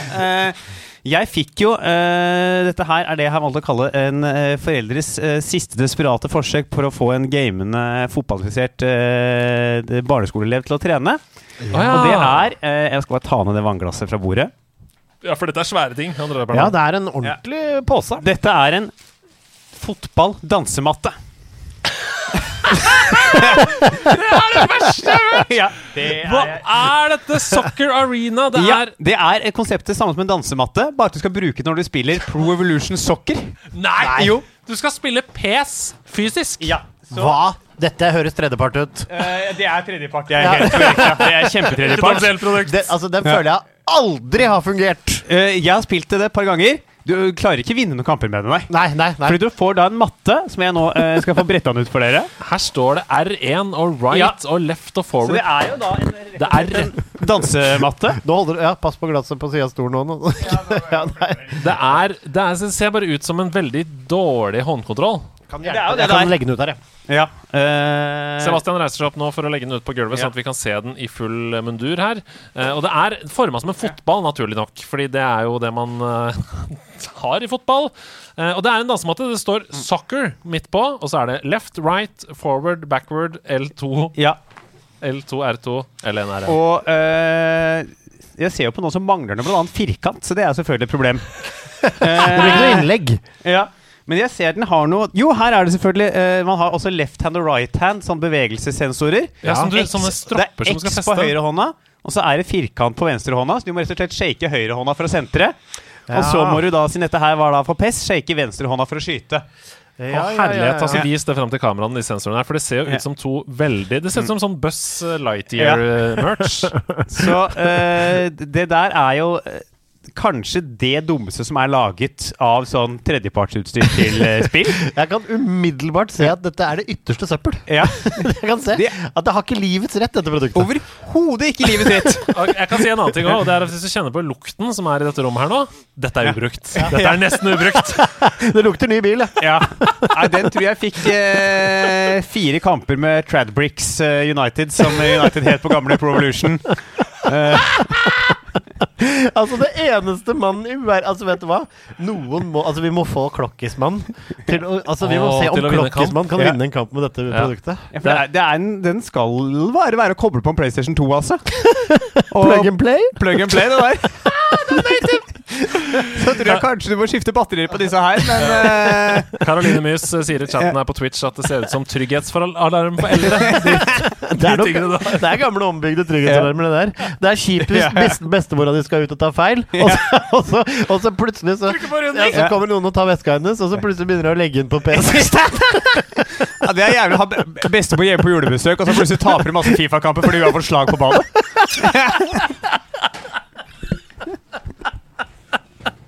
Hvor er, hvor er bestemor? Jeg veit ikke, men vi bøtter inn oss lar være der her. Faen, jeg, jeg tror bestemor digger Burnley. Vi slår jævla mye langt her nå. Faen, Flo! Bestemor opptatt av Blir bestemor rana, eller er det Flo-pasninga vi ser her nå? Ah, ja, ja, dette var deilig. Har du mer i posen, eller? Kjempestart. Ja, for en start. Det neste er jo uh, det eneste jeg har vunnet i hele mitt liv i en konkurranse. Så Oi. først er det altså det rareste som fins, Ja. og så er det det eneste du har vunnet. Ja, jeg har vunnet et B-sluttspill på Grue Cup også, men det er på en måte ikke Et en første? B-sluttspillet i Grue Cup. Å ja, ja. ja, ja. Oi, se der. Det er noe Å, det er noe furry som kommer opp her. Her, Det er en elg, ja! Det er en Nei, det er. Stratoskua! Det er Stratoskua. Er den også sekk? Eh, nei, det er Stratoskua, men den har med sånn som kan feste den på veggen. De har ikke tatt deg ennå. Den er mint. Se den, Det er mint, uh, min Stratos. Det er altså Stratoskus som ser ut som en sjokoladeplate på magen, men også som en slags sixpack, da. Denne Ja. sjokoladeplaten. Ja, Det er jo da dette var uh, på SFO, så var det Pro Evolution uh, Soccer 2-turnering. På matte! Heldigvis ikke på matta. Ja. okay, okay, ok. Men den, eh, der var det eh, tredje og fjerde klasse. Alle konkurrerte sammen. Ja. Jeg eh, gikk seirende ut til slutt. Ja, og, men det som jeg også har tenkt over i etterkant, viste hvor lite de kunne om fotball på SFO-en jeg gikk på. Var at alle kamper, unntatt finalen, da kunne man velge eget lag. Men samtlige andre kamper var det bare forhåndsbestemt at da skulle man spille Brasil mot Norge. Ja. Så det ene hadde jo da et elendig lag. Ja. Den andre hadde et godt lag. Ja, ja, ja. Ja, ja, men, men den ene hadde publikum i ryggen. Det, det er helt riktig. Ja. Nei, det er godt. det er godt uh, Har du er mer på sånn? ja, nå har jeg, har tjuvgods på neste. Oi, Oi, bra. Det eneste jeg har stjålet. Det er veldig Ja. mye sånn det eneste eller det beste Ja. eller det Og det er en Stratos-kutt til, eller? Nei, dette her er rett og slett en kopi av Rollercoaster Tycoon. Rollercoaster Kjøpt, eh, brent på et eh, svartebørsmarked i eh, Kuala Lumpur, Malaysia. Det coveret der, ja, det ser brent ut. Ta så Ja. Vis det til kameraet. Din foran her. notoriske tjuvradd. For der var, Brent i Kuala Lumpur, ja. fordi min mor hadde en venninne som uh, jobba i Kuala Lumpur, så vi var der over på uh, besøk et par ganger da jeg var i barndommen. Og der var det rett på marked. Og der solgte de da PlayStation 1-spill og PC-spill og uh, Gameboy-spill. Altså så uh, brent og kopiert og svart at det kunne ikke eh, være mulig. Så jeg kunne på et tidspunkt pause på kinesisk. Ja! Fordi eh, jeg eh, var jo gira på å få meg nytt Pokémon-spill. Eh, jeg hadde jo bare Pokémon blå, så vi fikk tak i da et spill som hadde Pokémon tror det var Diamant og Safari og en til i ett. Ja, Sapphire, Sapphire. Ikke Safari. Det, Jeg sa, jeg sa jeg Safari? Du sa Safari. Safari, det er- det er- det er mer det det er, det. Eh, og da eh, der var det altså ikke mulig å få på engelsk. Om det var på malaysisk eller thailandsk eller kinesisk, det vet jeg. Jeg tror det var kinesisk. Ja, det så der lærte jeg masse pause på kinesisk. Men funka det? Funka som ei kule. Ja, det gjorde Alt funka. Dette har spilt masse ja, ja, ja. Altså, jeg, er- altså Full disclaimer. Jeg har, eh, uten at det vil si noe om jeg eide det selv eller om jeg prøvde hos andre, opplevde ofte at eh, det kunne fungere. Men Ja, ja. av og til så kunne det også være en lokal kualumpursk artist Ja. med noe musikk isteden. Ja, nei, Det hendte jo at det gikk uh, greit, men dette her funka såpass bra at vi kunne kopiere det videre i Norge. Men det gjorde du selvfølgelig ikke. Absolutt ikke! Nei, bra. Det var Mitt første møte med Dessverre, da. Med lettkledde kvinner. Det var i en brent kopi av Tiberian Sun, ja. Så det var eh, det For var, det, det, du var noe attåt? Ja, det var det. Det var ikke bare spill. Det var noe Og du fikk porr på Rett og slett. I den brente CD-en. Oi. Så det var eh, Eller det var ikke, det var ikke Man kan ikke kalle det pornografi, for det var et stillbilde. Det var ikke Så det var, var jo Men det var nok for en ung rødtopp Nei, jeg, ble, jeg fikk kjempekjeft, selvfølgelig. Eh, fordi, Fordi- Nei, fordi vi, vi var hjemme hos Martin Hugo, skulle spille Tiberian Sun. Og så funka ikke spillet, selvfølgelig, for det var en brent kopi. Så moren, Nina, måtte hjelpe til. Og moren Nina hun fant lettkledde kvinner og sa 'Hva er det dere holder på med?' Og vi sa 'Vi vet ikke, det er brent spill og Kuala Lumpur og Vet ikke.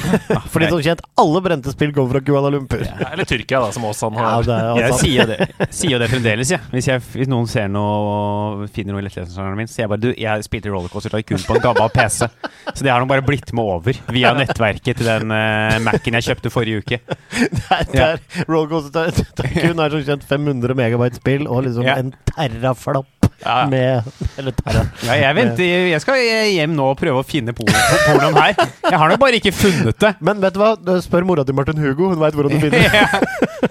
Har du noe mer, eller skal vi gi oss der? Du, jeg har jo uh, Siste var ikke nødvendigvis så uh, Det er helt fantastisk å ha med dag! Ja, for en deilig hammedag. Vi Ja, bader i den, jeg fikk jo med meg altså rett Det og er ingen av oss som har dårlig tid, så vi kan jo bli her hele kvelden. Uh, min aller første, min, min er aller første da Nintendo-kontroll Den famøse Ja. grønne trippelkontrollen eh, fra fant jeg da i skapet sammen med rett og slett eh, Mario, Paper Mario-spillet mitt. Å, så Du koselig. har med Ja. Paper Mario! Ja, så det har jeg med her. Og i en Pakka det inn, da, så det ikke skulle bli Her lå den gamle, den gamle, gamle Gameboyen min lå der, så jeg ja, tok den inn der så ikke han skulle bli ødelagt. Se på Paper Mario. Ta så Les hva det, Det står koselig, på, på kåret der. Her står det uh, Paper Mario, uh, Nintendo, og så står det eh, Original Seal of Quality. Ja, the original Nintendo. Den var ikke noe Kuala Lumpur over. Denne er kjøpt på eh, lekebutikken på eh, Glassmagasinet. ja, jeg trodde du skulle si Brynsenteret. Nei da, denne er, er eh, kjøpt på glass, Du er fra en fornem familie, du. Gikk kun i lekebutikken på Glassmagasinet? Nei, det var eh, Jeg og min farmor dro alltid på Glassmagasinet og hadde julegaver før jul. Ja, jeg og bestemor dro alltid på Parlé. Hun var She was used to the finer things. Ja. Så det var der som var å spise karbonadesmørbrød i tredje etasje. Og så var man heldig, så dryppa det noe Paper Mario på Ja, guttungene. Ja. Da var det sånn, kanskje jeg kan få denne til jul. Da. Så var det sånn, jeg går i forveien og bestiller karbonadesmørbrødene, så får vi se hva som skjer. Ja, altså like forbanna. Ja, nei, det der, det er gode minner, det. Ja. Nei, dette er en av de bedre Hammedagene. Vi begynte med tredjepartsmatte til PS og endte opp på Parleet, så det er helt nydelig. Og kan jeg bare si at fotballstøvelen er kastet, klokkismann. Dette er en utfordring for deg. Dette er en utfordring. I came here to chew bubblegum and make a podcast, and I'm all about Mitt navn er Andreas Hedman, og dette er Nerdenytt! Og så tror jeg vi bare stopper den der, jeg. Fordi vi har eh, med oss eh, Vi har med oss en gjest her i dag som er såpass bevandret i spillenes verden at nyhetsspalten tenker jeg kan diskuteres i plenum. Det er såpass mye å ta av her at jeg mener at du sannsynligvis har en mening om ting her. Som regel hvis vi har gjester som har spilt sånn helt eh, ikke så mye, eller bare litt, så bare drar vi gjennom nyhetsspalten. Men her tror jeg alle kan få meg med å mene noe. Så først og fremst Embracer Group, som er et holdingselskap. De eier 119 spillstudioer. De har også rettighetene til mer enn 850 forskjellige spill-IP-er. eh, og har 12 500 ansatte i 40 land. Altså Dette er et stort holdingselskap, da, aksjeselskap, som har kontroll på mye spillrettigheter. De har så vidt nå begynt på en greie som vi har etterspurt i årevis, som jeg bare elsker så hardt. Embracer Games Archive. De skal lage, de skal lage frølagre på Svalbard for spill.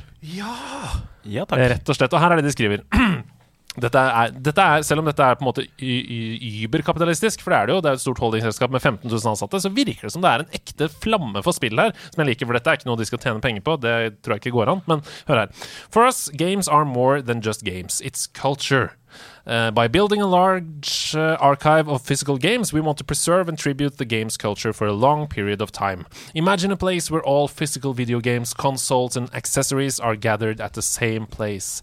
And think about how much that could mean for games culture and enabling video games research. We want to archive and save as much of the video games industry as possible. Dette er jo biblioteket Alexandra, bare for spill. Ja, det er, mus det er musikk i mine ører, i hvert fall. Og så kan man jo også, om de skal profitere på det down the road, så er det egentlig Det får være greit, du kan bestemme hva du skal kjøpe, på en måte. Men Mm. det er jo det som man håper, da, at ikke dette blir veldig låst bak en rettighetsmur, eller noe Nei, altså, det, dette er jo et fysisk sted. De har allerede over 50 000 spill, konsoller og spilltilbehør i dette arkivet, som ligger i Karlstad i Sverige. Flott! Så vi kan jo potensielt dra og besøke det med bil! og Vi ikke kan jo bare kjøre det, ja. Kjempekort vei, og ta med kvota i samme sleng! Og jeg kjenner jo, nå kjenner vi deg litt etter hvert, og hvis vi legger en litt skarp plan, så kan du bøye en pinne, og så kan vi raske med oss det Ja, vi har lyst på. Så kan, og, og i tillegg så er jeg verken røyker eller snuser, så jeg kan få kvota mi der. Ja, faen, jeg snuser jo! Dette Nei, er men- jo perfekt. Nei, men det var, jeg bare, det var ikke tull jeg sa inn i sist, for det var en Reddit-bruker som skrev under dette. Dette er som frøhvelvet på Svalbard, bare at du finner to Donkey Kongas Ja. i mint condition inni et hjørne. Shit. Er. Du må donere Fotballmatta! Fotballmatta! Den kan ikke gå tapt for posteriteten! Nei, den, er, den må jo inn der. Og det står Ja. jo faktisk på den nettsiden Do you wanna donate? Uh, Ja, det tror jeg nesten bare ta kontakt. De får betale porto, si, men den skal Ja. de faen meg få! nei, den tar vi med i bilen, og så Ja, slipper vi av den. Og så tar vi kvota på vei Hvis, hvis de vippser for en norgespakke, så skal jeg sende den i posten. jeg. Hør, hør. Altså, det er nesten, det er nesten som om å gå videre på den joken, men, eh, men sånn all spøk til side, dette syns jeg er et sinnssykt bra initiativ, og vi har etterlyst det. Og jeg tror, um, tror det kan bli en severdighet. Ja, for det også. er ingen som tar vare på vår digitale spillkultur inntil nå. Så det er veldig bra. Jeg setter veldig pris på det. Håper alle som eh, ønsker å støtte opp om det, går inn på eh, hjemmesiden til Embracer Games Archive og tenker hva er det jeg kan bidra med her til dette enorme biblioteket av spill. Kom en ny trailer for eh, Pokémon Scarlet og Violet denne uka. her Den viser mer av spillene. De kommer jo 18.11. i år. Eh, det ser ut til at temaet for spillet skal sirkulere rundt fortid versus fremtid. Eh, ancient versus liksom, moderne teknologi osv. Uh, og jeg har laget en liksom pros and cons-liste basert på tingene som jeg så i traileren. Og vi begynner med pros, tror jeg. Og en veldig fordel her, det er fireplayer sømløs coop. Som vil si at du kan spille Pokémon sammen med tre andre venner samtidig. Og det virker jo helt sjukt gøy å kunne løpe rundt i Pokémon sammen med Voice over Discord. da Og så si sånn Nei, det er Snorlax her borte! Kom hit, så kan vi fange Snorlax. For her er vi i stilen Vi er ikke til stilen uh, til Legend of Acris. Nei, eh, eh, Arcus, nei. Vi Nei, er i sorry. Sword and Shield, ja. Ja, nettopp. Ja, Eh, det er med. Ja. eh, Absolutt. Så, Så her det, kan du da i disse open areasene, eller i hele spillet, eller? det står på nettsiden at det vil være noen områder som ikke går an å spille sammen med venner. Sannsynligvis gyms, f.eks. Ja. Men jeg tror nok ganske mye av spillet er lagt opp til at det er en fireplayer sømløs coop. Det er bra. Det er definitivt noe som kiler litt. Mm. Og da håper jeg jo at spillet også er langt vanskeligere enn det det har klart å prestere til nå. Har du noe forhold til moderne Pokémon-spill? Ikke forhold til moderne Pokémon-spill. Det er Pokémon Blå som nok er siste jeg spilte mye. Ja. Det har ikke forandra seg noen ting, nesten. Uh, så Ja, Men da, da henger jeg med! ja, nei, og det er jo Og det, der syns jeg noe av parodien ligger. Og vi skal til cons etterpå på det. Men eh, det ser også ut som det er større variasjoner mellom de to spillene. Det er, har jeg på pros, altså Scarlet og Violet. At det ikke bare er noen Pokémon som forandrer seg. For jeg liker at det har noe å si hvilken versjon du velger. Det oppfordrer til samspilling, syns jeg. At du kjøper den ene, jeg kjøper den andre, og så bytter vi Pokémon oss imellom og kan oppleve forskjellige ting. Noen vil si at dette er negativt fordi det oppfordrer til at du må kjøpe begge spillene. Jeg syns ikke det.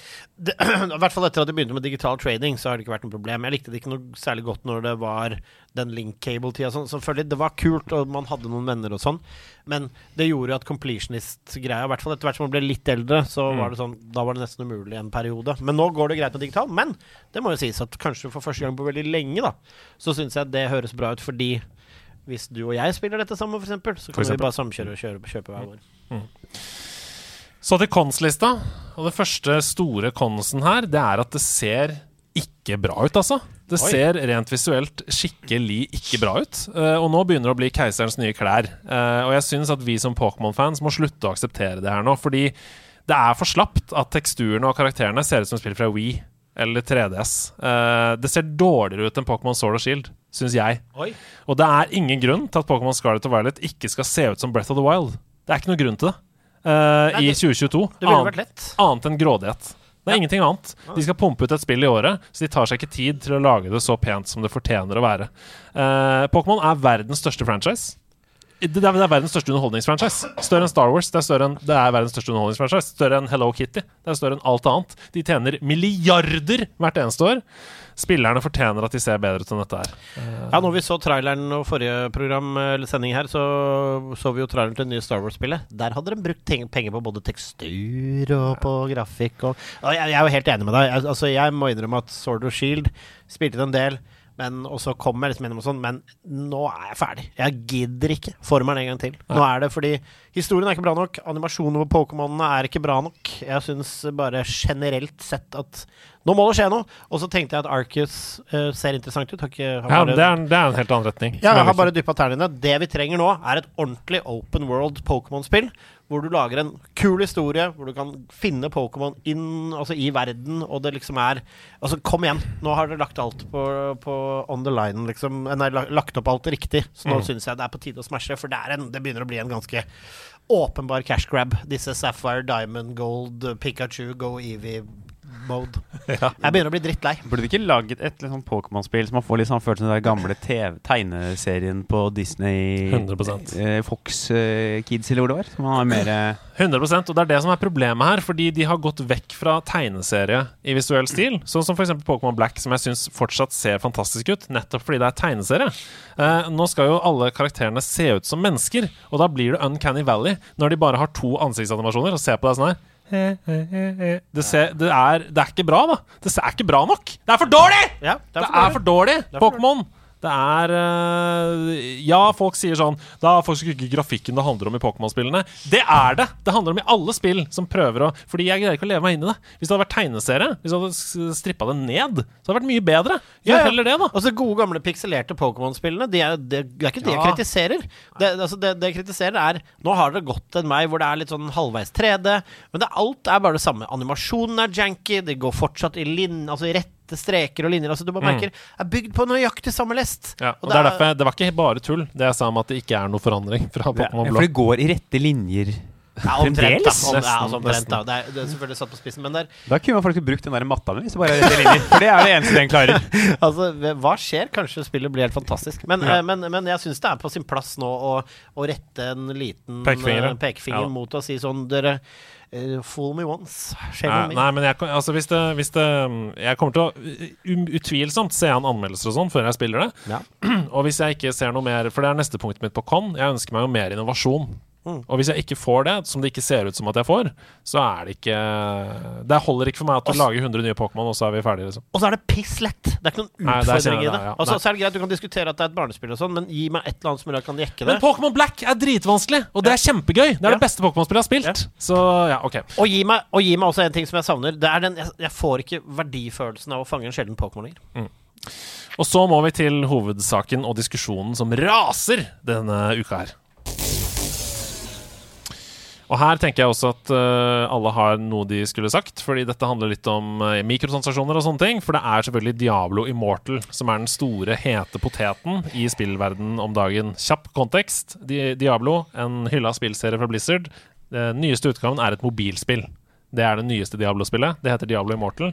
Og det har fått mye kritikk av uh, pga. mikrotransaksjoner. Jeg skal bare sette stilen her, fordi Pressfire uh, og Rad Crew de har snakka med spillforsker og førsteamanuensis uh, Rune Menzoni ved Universitetet i Bergen. Han har så langt, så langt spilt 67 timer av Diablo Immortal og sier at pengebruk i spillet er gjort vanskelig å forstå med viten og vilje. Han sier det er helt umulig å vite hvor mye du må betale i Diablo- Immortal for å lage en figur som skal nå et visst nivå. Det er et problem. Han sier også at Diablo Immortal muligens er det mest utspekulerte systemet han har sett, og mener at spillere kan kjøpe lootboxer uten å skjønne at det er lootboxer du handler når du spiller spillet. Eh, enkelte medier de har meldt at det kommer til å koste rundt 1 million kroner, eller ti år med kontinuerlig spilling, å makse en figur i Diablo Immortal. Hæ? Det er, det er jo Det er for mye. Enten så kan du kjøpe det for en million, da, eller så kan du bruke ti år uh, med kontinuerlig spilling. Eh, det- men det, det, det mistenker jeg at er ved å bare bruke penger, eller ved å bare spille, hvis du skjønner. Ja. Uh, men likevel, det burde ikke vært noe. Eh, Men jeg skal fortsette å etablere det. Ja, okay, okay. For Menzoni han mistenker at færre spillere da hadde blitt med på å spille dette spillet eh, hvis spillet rett ut hadde sagt at dette er det du må legge inn for å nå så langt. Hva tenker dere innledningsvis om det dere har hørt nå? Jeg tenker Jeg skjønner ikke helt hva vil det si. Eh, hva det vil si å nå langt. Det, snakker vi da om å få runda spill altså, altså, Diablo for meg Ta Diablo 3 som eksempel. da Det er en kul historie, og så var det et marked der du kunne bruke noen penger og sånn, men det var ytterst ikke nødvendig å bruke ei krone etter å ha kjøpt spillet for å mekke spillet. Nei, og Dette her handler ikke om å runde spillet. Dette handler om å kompetitivt ha det beste gearet på en karakter. Ok, Så dette er ikke øverste. Diablo-spill lenger. Jo da, det er det absolutt. Ja, ok. Eh, men det er jo en PVP-del også, i tillegg okay. til alt det andre. Men hvis du ignorerer PVP-delen, da som selvfølgelig er for meg noe av det mest fristende med dette Ja, utgangspunktet men, vi hvis. Ja, okay, men hvis vi sier det, så kan du fortsatt mekke det helt uten å bruke ei krone. Det er for tidlig å si, Ok. fordi det har nettopp kommet. Men Men det høres jo ut som noen bare At de ikke bare ikke har jobba med det. ja. At de har lagd et system, som har gitt ut og vært sånn Dette ordner seg vel sikkert. Så ja, jeg tror snarere tvert imot, ja, ja. og det er tvert imot. ja, men fordi én million eller ti år, det er, jo- det er jo ingen som gidder. Nei, uh, Det er, liksom, det er såpass mye Er det, Det er folk så gærne? Wales, vet du. Det som er viktig, da, det er å sette seg inn i saker som det her, før man slakter det fullstendig bare basert på ting man har lest på internett. Så det har jeg gjort. Jeg har spilt Diablo Immortal denne uka her, på mobil. Eh, og det er først og fremst et ekstremt avhengighetsskapende spill, som er veldig velpolert og kjempegøy. Det må jeg bare få lagt på bord med en gang. Men Så nå har du forbrukslån, er det du skal eh, si i neste setning? Men mye av grunnen til at spillet er gøy, i hvert fall de første timene, det er at det er helt usaklig lett. Det er så lett at du får følelsen av å være helt rå, selvfølgelig. Masse animasjoner rundt deg, du knuser rundt, de, de store demoner faller til bakken fordi du Og du leveler opp, og du over hele skjermen masse gull, og det er helt crazy, ikke sant? Gameplay-systemet, det er intuitivt, og det er veldig, veldig gøy å mestre det. Du føler at du mestrer det, men det er der de lurer deg. For det handler ikke om mestring. Det tar to sekunder å mestre det. Eh, det er så lett å mestre, men likevel så føler jeg meg dritflink når jeg har mestra det. Ikke sant? Ok, so, Men so far so good. Da høres det ut som et bra mobilspill så langt. Det er helt riktig. Men etter å ha drept den første bossen, så fikk jeg tilbud om å kjøpe en engangsreward som takk for at du greide bossen, og den var tilgjengelig kun nå med 800% value til bare 11 kroner. Det er det første som skjer etter at jeg har klart bossen. You have freed the ba-ba-ba! Buy this bundle. 11 kroner. Og så fordi du får beskjed om at det er så mye value og sånn, og at det er, det er bare nå, akkurat nå, så føler du deg selvfølgelig frista til å kjøpe den. Og hvis du kjøper den, så får du 60 orbs, som er in game currency. Hva koster 60 orbs i butikken? Ingenting. Hvis du bruker 11 kroner og får 60 orbs, så har du ikke råd til noe in game. Da må du kjøpe mer. Så med andre ord så må jeg bruke mer penger for å føle at min initielle investering på 11 kroner skal være vits. Og det kan heller ikke komme noe unlock seinere som kan være verdt 60 orbs, kanskje? eller? Kanskje. Dette er sånn nå Men allikevel, det der er Fifa-trikset. Fordi de selger bare bundles med points. Mm. Som gjør at du kan Hvis du kjøper en bundle med points, så vil du alltid sitte igjen med litt på konto. Du, altså det er sånn, du skal nesten Du skal være et matematisk geni i anførselstegn for å klare å komme til null points. Åh, Det er sånn, sånn gavekort fra Dominos Helt riktig. Helt riktig. som er på 100 kroner. Og sånn er det andre veien også. For her har jeg brukt 11 kroner for å få 60 orbs, som jeg ikke kan bruke til noen ting. Ikke, det kan ikke brukes til noe i butikken. Men hvis jeg derimot ser en armor som jeg har lyst på, som koster x antall, så kan jeg aldri kjøpe det beløpet den koster. Jeg må alltid kjøpe litt mer. Ja. Sånn at jeg sitter igjen, som du sier, da med 20 orbs igjen. Sånn at jeg har noe ekstra. Så jeg tenker sånn hm, Hva skal jeg gjøre med de 20 orbsene? Nei, Hvorfor kjøpe 100 til, da, sånn at jeg kan kjøpe akkurat. Ikke sant? Sånn er det lagt opp hele tiden. Og det, eh, det som er, er at jeg trenger ikke, for å spille spillet, kjøpe den bundlen. Jeg trenger ikke det. Jeg, jeg lukka den og sånn, og, og, og gikk videre. Du trenger ikke bruke penger for å komme deg videre. Nå har jeg spilt ganske mange timer, jeg har ikke brukt en krone, og jeg trenger ikke å gjøre det. Men det syns jeg er litt irrelevant. Fordi spillet benytter seg av alle de samme eh, de, de absolutt mest endorfinsugende triksene for å få deg til å bruke penger. I mye større grad enn f.eks. Heartstone, som er et, eh, en sammenligningsgrunnlag som jeg spiller. Og det gjør spillet sårbart for en relativt stor gruppe mennesker som har potensial til å bruke altfor mye penger i et spill. Eh, altså spilleavhengige, rett og slett. Det, det, dette spillet er designet fra bunnen opp for at noen skal spille seg fra gård og grunn. Og det, altså, og det er jo altså det der å tappe, liksom det, altså Selvfølgelig at noen altså Det jeg tror det er jo designa for at folk skal tappes for noen hundrelapper, men det er under den um, Altså, jeg tror ikke de satt sånn og tenkte vi skal radbrekke noen mennesker, men de vet at det vil bli en konsekvens. Skjønner du hva jeg mener? Jeg mener nå, etter å ha spilt Diablo Immortal i tre timer, at det burde vært ulovlig.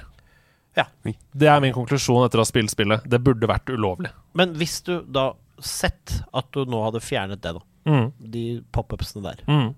Hva ville du tenkt å spille? Jeg, bare, jeg Nei, lurer det, på det. det er kjempebra spill. Ja, for når du noen når, altså, når du noen flaskehalser her som gjør at du føler at shit, nå skulle jeg brukt penger. Jeg har ikke gjort det. Ingen har snakka med har gjort det. Alle anmeldelser jeg har lest, har gitt det åtte eller ni av ti og sier at det er et kjempebra spill. Men det burde vært ulovlig, fordi her er det mange som kommer til å gå på store smeller, og som kommer til å spille seg fra gård og grunn. Eh, og når det ikke er lov med spilleautomater i Norge, så bør det heller ikke være lov med Diablo Immortal i formen spillet har nå. Eh, og dette sier jeg ikke for å utelukkende slakte Diablo Immortal. Jeg mener at spill som Raid Shadow Legends, Mario Kart Tour for den saks skyld, også burde vært ulovlig. Som bare er lagt opp til at noen skal spille seg fra gård og grunn. Men Diablo Immortal er hittil, i min bok, det klart verste eksempelet. Og det er fordi det har så stor fanbase. Det er så sterk merkevare. Det kommer fra et selskap som har polert det herfra til Altså, det er så bra, da! Det er så bra at det er uh, veldig, veldig, veldig fristende og veldig lett å bruke penger. Derfor er det banna i Belgia og Nederland, spillet. Og derfor burde det også vært banna i Norge. Ja, og der, altså jeg mener jo at en av de viktigste tingene vi må gjøre Altså Jeg mener jo at Ultimate Team balanserer på en grense, selv om det popper sjeldent opp sånn her Syns også det burde vært. Ja, det, det popper sjeldent opp, eller aldri vel, når du ispiller som jeg kan huske, hvert det popper opp sånn Hei, bruk disse pengene på dette.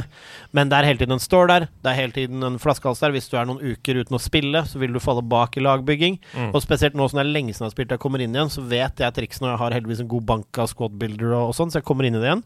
Uh, og jeg er smart nok til hver gang jeg slutter å selge alle de beste spillerne mine, så har penger, altså coinsene.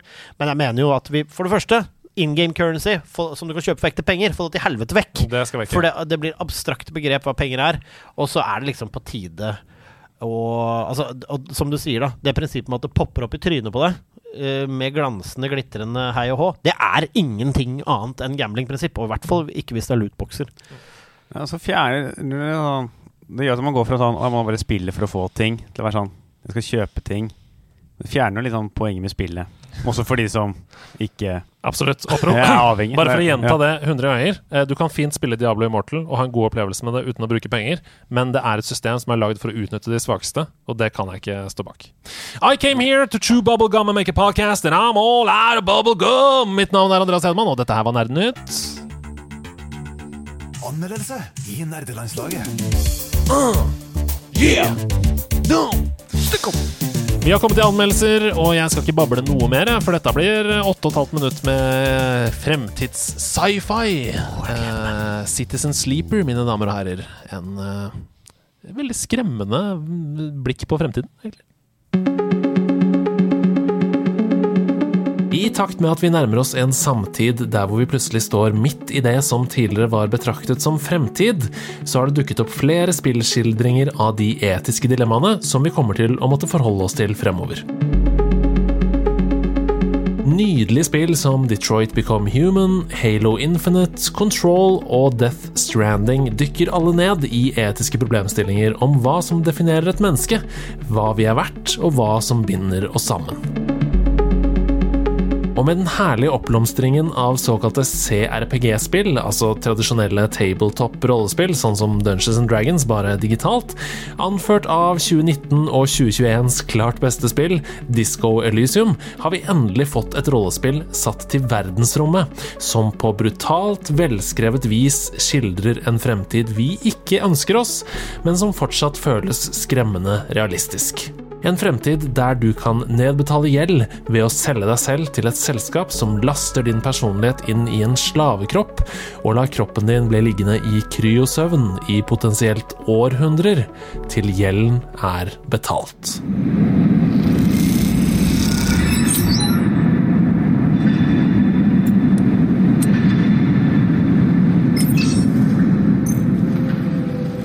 Citizen Sleeper kaster deg inn i handlingen idet du våkner til live på Erlins Eye, en semi-ødelagt romstasjon der tusener av mennesker desperat forsøker å overleve i ytterkantene av et intergalaktisk, ultrakapitalistisk samfunn. Det viser seg at du er en sleeper, en slags slaverobot din personlighet er lastet inn i.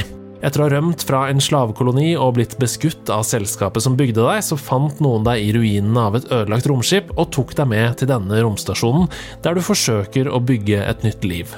Det er bare så fryktelig synd at den robotkroppen din har en selvdestrueringsmekanisme i tilfelle du skulle rømme, og at du gradvis for hver dag som går blir svakere og svakere inntil robotkroppen bryter sammen. Og dersom robotkroppen dør, så dør du samtidig. Dette er en av de mange sterke historiedriverne som du vil møte etter hvert som du spiller gjennom Citizen Sleeper. Klokka går, og du må finne en motgift før det er for sent.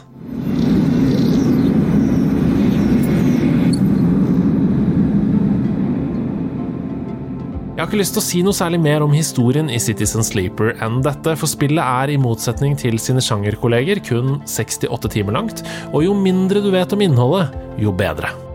Gameplayet i Citizen Sleeper er hentet fra tradisjonelle rollespill, men med en twist.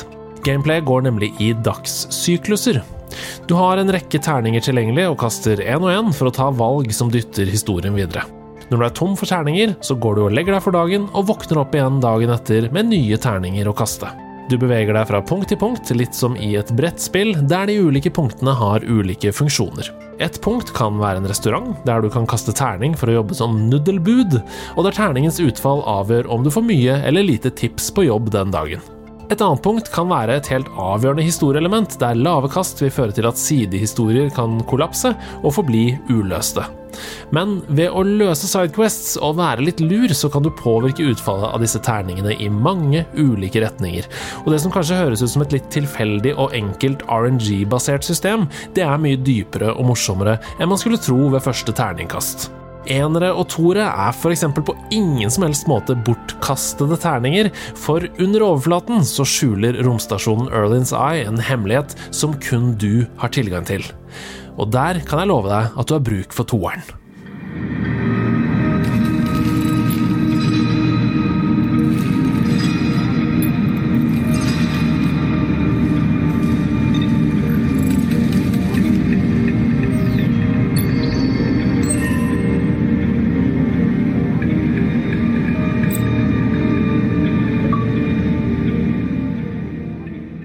Flere ulike klasser du kan spille som i Citizen Sleeper, og hvilke klasser du velger og hvordan du investerer poengene i ditt ferdighetstre, det påvirker narrativene og utfordringene du møter underveis.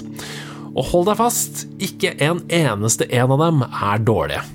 Dette spillet er nemlig helt forbanna bra skrevet, på grensen til det geniale.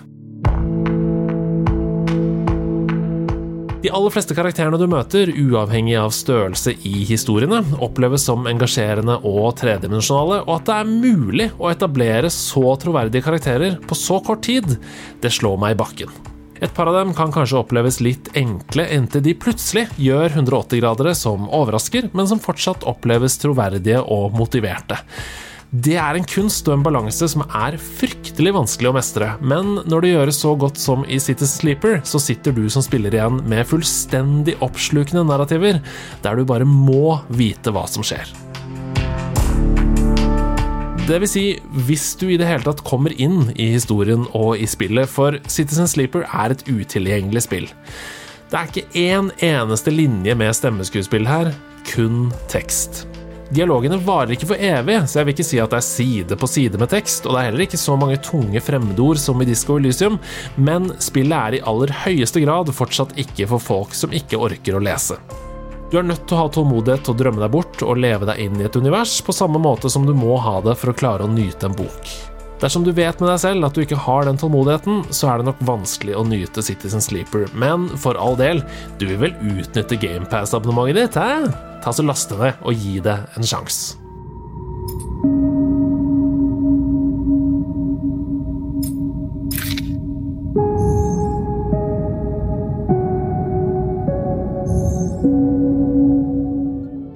Jeg har spilt Citizen Sleeper på Xbox Series S, ettersom spillet er inkludert i GamePass.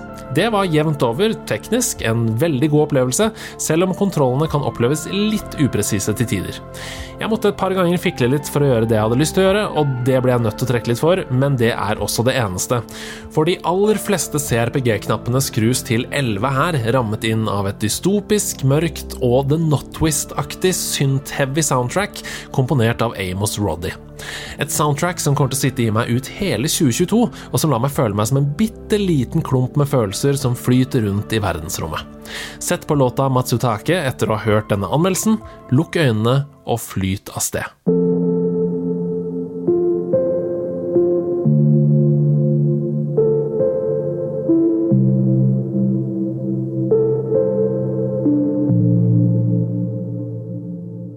Citizen Sleeper inneholder poetiske skildringer av situasjoner og moralske dilemmaer som gjør at bildene 100% formes foran øynene dine, og er det mest troverdige spilluniverset jeg har vært i.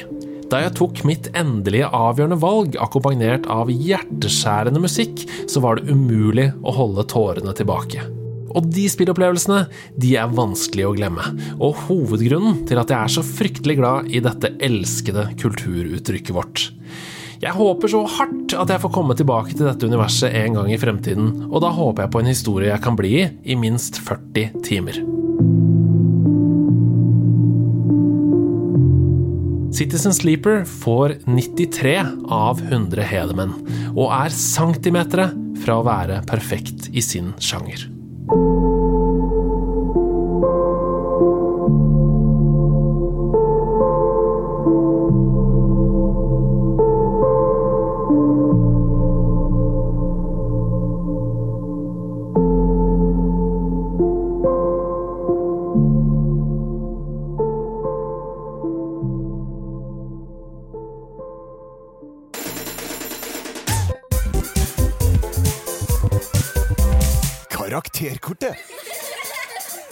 Splitte mine såkalte bramseil her i Nerdelandslaget. Vi skal over til en spalte som eh, jeg har måttet lide under, og som veldig mange har måttet lide under, men én fyr eh, eh, ikke like mange ganger har måttet lide under. Har du Å Oh, jo da, jeg begynner å lide en stund. Ja, du har begynt å lide. Um, Du har, du har lidd. Men, Problemet er at jeg er klart svakest av alle. Eh, Det- Har, har noen toere der, ja.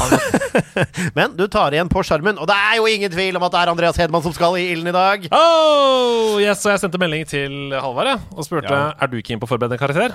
Gjør det, du. Så, Ja. ja. Vi har jo fått forklart hvorfor, da. Eh, Ja, det er jo Nord-Europas dårligste imitator. Helt riktig. Ja. Men det er Mulig vi kan slenge på Midt-Europa òg. okay. Selv det er nok én tysker der som er dårligere. Ja, det kanskje. Kanskje. Så Eh, i dag så skal dere intervjue meg i ett minutt som den spillkarakter. Og den karakteren jeg har valgt å gå inn i denne uka her, det er GLaDOS fra Portal. Oi! Det er GLaDOS fra Spennende valg, unge Hed. Var det ett minutt du sa? Ja. Da skal jeg sette på en nedtelling, jeg. ja, så det er egentlig bare å begynne når dere er klare. Du kan ta annethvert spørsmål for eksempel, hvis dere har lyst, eller gjøre hva dere vil. Ok, er du klar? Ja, jeg Da tror jeg er klar nå. setter vi i gang. Ja. Karakterkortet. Hjertelig velkommen til deg, Glados. Thank you. Ja, du er jo eh, en eh, Altså, du er jo litt sånn disembodied her. Hva er det du, hvordan er det du kommer inn i studio i dag? I am feeling really good today. I came here because I am alive. Ja, og det, men det er hyggelig at du, du er her. Hva er det Hva er det du vil i livet? I would much like to run aperture science and do tests in test chambers. Og hva er det med disse testene du liker så godt, Glados? I like to discover the human mind. Hva har du oppdaga med det menneskelige sinnet som eh, du vil fortelle oss? They are most often really fat. Stø støtende? Har Du, altså, du er jo kjent for å være litt ond, men eh, hva, hva er denne fatshaminga du har begynt med nå? Their bodies are not good compared to mine. Om du fikk ett ønske oppfylt, Glados, hva ville det vært? I would have been a portal gun. Og der! Der, der, der, er det, der, er det, der er det tid! Ja. da, Det var ikke så verst! Jeg synes ikke det var så verst! Eh, altså, eksaminanten er ferdig, så Jeg da kan jeg du gå går på gangen. Ok, da er det, vi må vurdere her. Altså, det er jo fra 1 til 6 mm. typisk karakterkortstil der altså. Uh, vi får besøk av eh, the main bad guy fra Portal-spillene. Ja. Ja, eller bad girl, om du vil. Uh, hva Form, og- du? form og innhold, form og innhold. Har du forhold til Glados fra før? Uh, nei. Nei, ikke Men sant? jeg googla idet vi starta spalten, så jeg har et bilde. Du har et bilde. Ja. Uh, det hjelper kanskje litt lite, eller? Hjalp at jeg skjønte hvorfor han snakka som en uh, maskin. Ja, for vi kan begynne Ja. der. Eh, Jeg har jo et veldig godt forhold til Glados. Spilt mye Glados. Og det er, han, det er jo absolutt inne på denne monotone, men fortsatt litt rart melodiske stemmen. Ja, har- det, ja. det treffer veldig på sjangeren datastemme. Uh, det gjør det. Det er ikke noe tvil om at uh, dette her er ikke den levende person. Nettopp. Og det er jo inne på eh, Er jo veldig inne på tematikkene som hun liker. Testing. eh, Mm. Ja. Det å vil liksom ta over Aperture Science, komme seg inn på liksom hva menneskene vil. Så det, Mm. Ja. altså, det er forholdsvis gode svar. Ja. Ramler litt inn i fatshaming der på Ja. tampen. Det er mørkesvar, men det er jo, kan jo være Hedemann som skinner igjennom med sin egen personlighet. Det er jo innimellom vanskelig å skille kunst og kunstner. Ja, det er så sant som det er sagt. Så du tenker at det på en måte Ja, Det er ikke Glados, det er Hedemann. Som, er Edemann, som ellers altså, Han er en ryddig type, vil jeg si, men han, endelig så møter vi hans true colors nå. Ja, ja. Jeg har jo 30 studiepoeng i masketeater, og der lærer vi at det at å gå med en maske utafor kan få fram noe inni deg selv som ikke kommer fram ellers. Ikke sant, ja. Så dette, altså, det vet jeg ikke om er karakter trekk eller pluss. Altså, hva, Ja. Men hvordan er det i masketeater? Får du flere studiepoeng av å være fatshamer det tror bak jeg maska? eh, Jeg syns du er det i virkeligheten, så tror jeg du skal komme opp på det, altså. Ja. Ja, ok, men det, da kan vi ta det. Nei, men uh, all spøk til side. Det var, dette syns jeg ikke er så dårlig levert. Uh, Hedman har jo fått noe skryt og noe uh, slakt. Men Nå humres det på gangen. Jeg vet ikke om du hører det. Uh, men men jeg, uh, du skal fra én til seks her. Jeg baserer Jeg vil si, da, som har spilt spillet, han treffer eh, ganske godt. Eh, noen svar kanskje som jeg ønsket meg litt mer om verdensherredømme, kanskje. Eh, litt sånn hva som er inni det, men jeg syns at det lander trygt og godt på beina. Eh, og stemmen er absolutt inne på noe. Ja. Jeg syns den er fin. Jeg kom fra dette her følte jeg var en slags robotisert variant av Kari Jakkesson.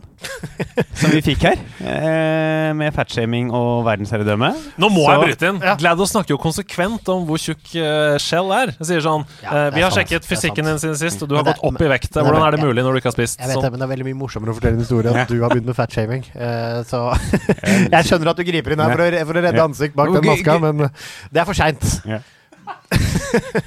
For det Ok, men eh, vi må komme til en karakter her. Jeg har en karakter i uh, hodet, jeg.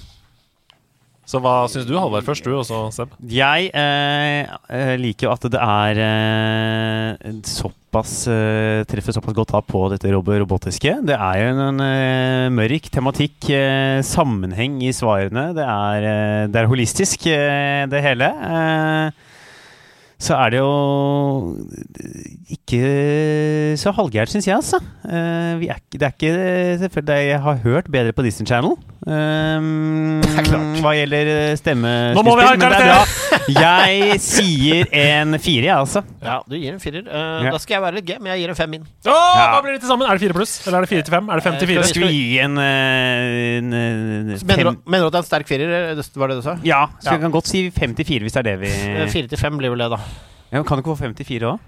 Skal vi ikke si fem inn, da? Være litt kompis, Jo, synes syns jeg. vi gjør det. Ja. Fem inn! Ja. Yes, Ja. Det var det jeg tenkte. Så da, ja, da, da Ja. Åh, nå kan jeg gå hjem til Camilla som er småsjuk og være glad. Ja. Sjuk Og lage egg Er og kylling. Småsjuk eller småtjukk? Hva var det du sa nå? Sjuk, jeg Ok, sjuk. For den fatshaminga, det bobler Ja, opp. det er ikke rart å bli småtjukk når det eneste du spiser er kylling og egg. What, what Actually, surely what you're saying is a balderdash of ox's feces, sausage tissue, urine talk. On, on the contrary. No, no, no, no. I beg to differ! De nerde strides. Den jingeren likte du. Den syns jeg var fin. Det, det er du som skal sjokkere oss med dine sjokkerende meninger i dag, Halvard. Ja, Hva er det du har forberedt? jeg har uh, forberedt uh, to, de to mest irriterende tingene jeg vet om på spill. Oi! Ja. Spennende! Oi, oi, oi. Jeg er klar, jeg. Ja. Det ene er Det går på uh, solospill. Og det er at det er mulig å velge vanskelighetsgrad. Oi! Dette er en hot potato, for Det- nå er jeg klar. Syns jeg er det dummeste som er innført. Det er Dette, Ja, men- er- dette, er- dette her skal du få motstand. Ja, fordi dere har laget et spill. Ja. Og hvor vanskelig det er i de forskjellige deler av spillene, er jo en del av historiefortellingen i dette spillet. Og en del av hvor, hvilken gjennomføringsevne og hvor god du skal være. Og det at du skal tape, er jo en del av spillet. Men så er det da mulig å trykke på pause, gå inn og velge easy. Og så dør den vanskeligste bossen bare du trykker på feil knapp. Ja. ja. Al- Altså, jeg, jeg skjønner Altså, OK. okay. La- altså, jeg kan skjønne eh, eh, Jeg velger alltid å spille på regular, for jeg føler det er det de mener jeg skal spille. Ja. Eh, og så kan jeg skjønne at når du vinner, så kan det komme en vanskeligere vanskelighetsgrad inn. Mitt navn er Halvard Runes, og jeg er som en slags Hitler. Jeg ønsker kun at de sterkeste skal få tilgang og overleve. Nei, og kun få spille men- Men, men alle som ikke klarer ting, de får ikke lov til å nyte Ja, men det er jo ikke sånn at folk ikke klarer å spille på regler på de fleste spill. Men jeg, jeg mener at det kommer helt an på spillet.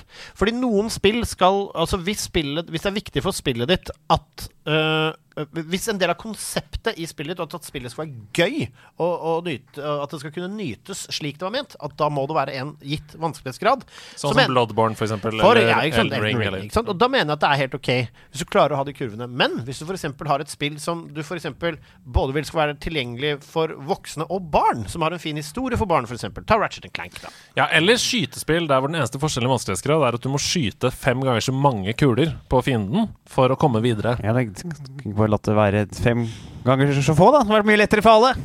Ja, Ja, men Er eh, du ja. ute etter en enkel opplevelse eller en vanskelig opplevelse? Fordi For meg er det veldig viktig at ting er vanskelig og utfordrende. Altså For meg så øh, Jeg mener jo at hvis øh, vanskelighetsgrad gjør at veldig mange spillere ikke får f.eks. oppleve historien i The Last of Us fordi de står fast på en zombie, så er jo det helt krise. Ja, men Da er jo det laget for vanskelig.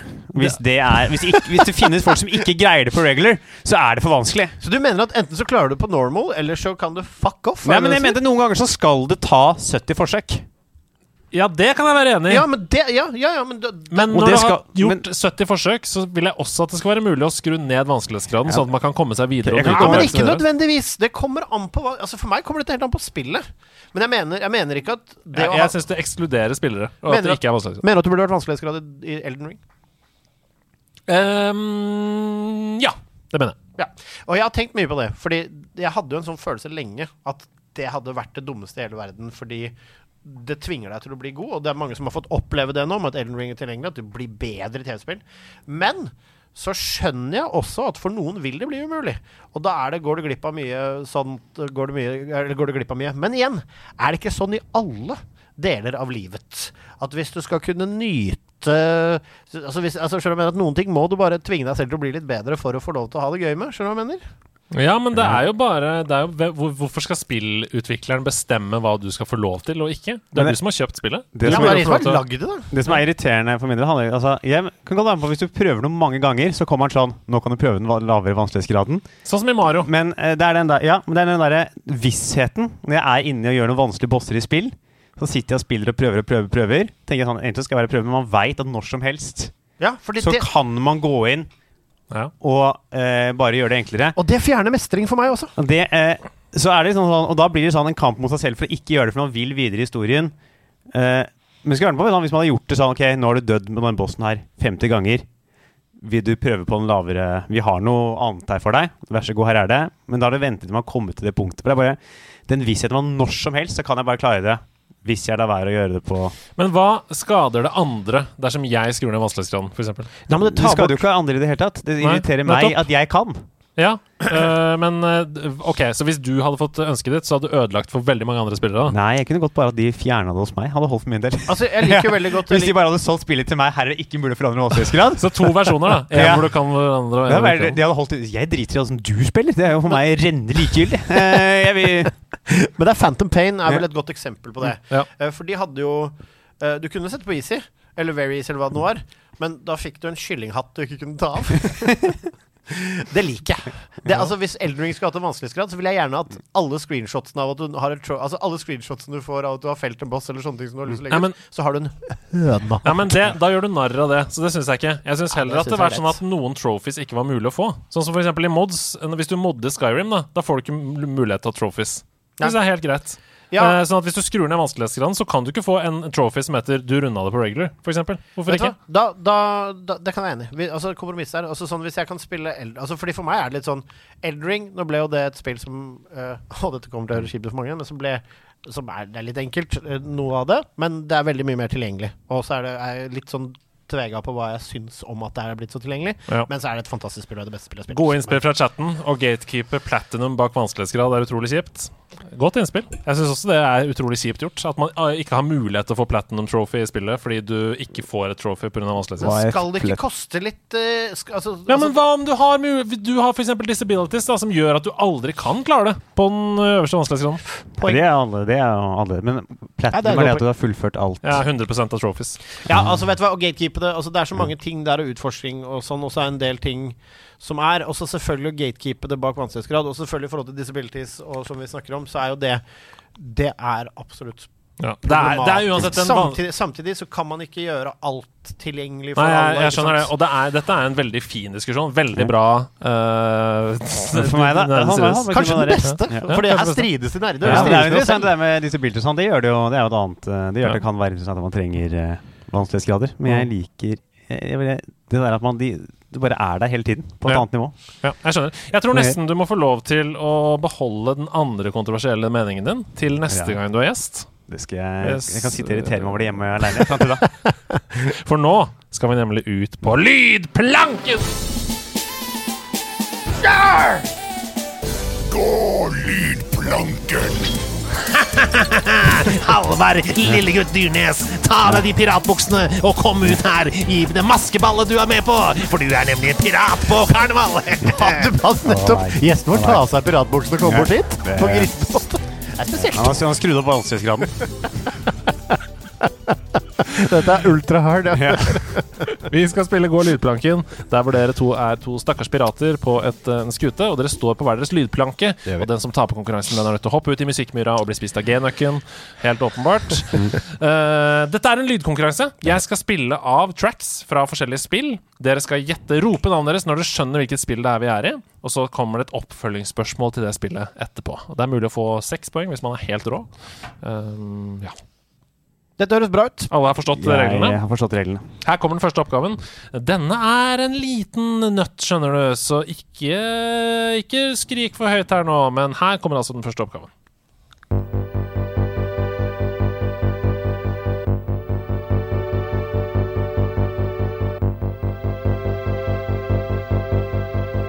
Sebastian!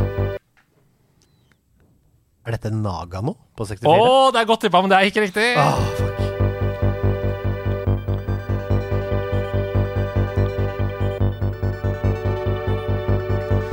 Jeg kan si at um, dette spillet her tipper jeg alle tre her har spilt. Men det er ikke sikkert at dere har hørt denne låta for det. For dette er på rulleteksten. Det er jo et episk spill, dette. Det hører jeg jo. Dette høres ut som det er fra sportens verden. Du har fått til noe. Nei, ikke det. Hvis dette er sport, da er det en stretch.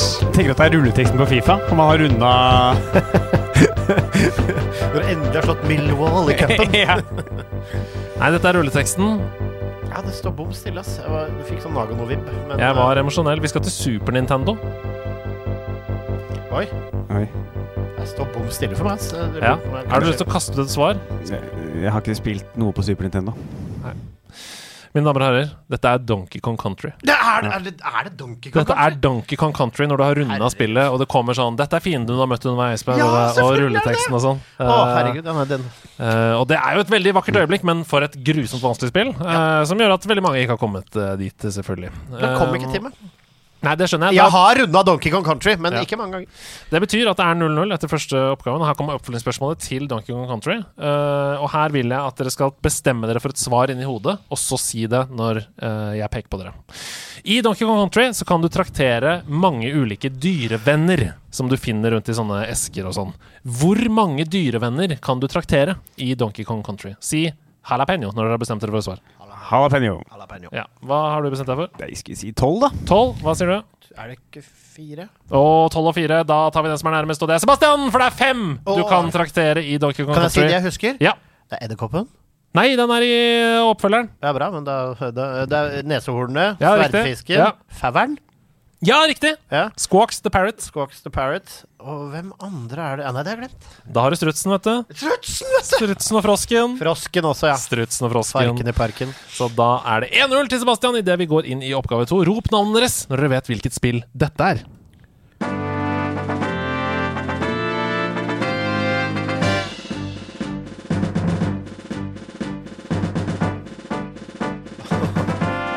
Sebastian. Altså, det er jo fristende å si Selda, selvfølgelig, men det er jo ikke det denne gangen. Er det Final Fantasy? Nei da, vi er på Nintendo 64. Halvard. Kan det være Mario Kart? Nei da, men det er godt tippa. Fy faen, jeg er så dårlig lydpakke. Da sitter de og river seg i håret. Ja, for nå, alle andre veit det nå. Altså, det er ja, altså, Sebastian, altså, det, er, det, det, føles jo, det føles jo helt Zelda ut, men ikke Ja. Zelda 64. Det føles som et Super Nintendo-Selda-spill. Mm. Nei, vi, denne, denne karakteren her eh, har lignende melodi i Super Smash.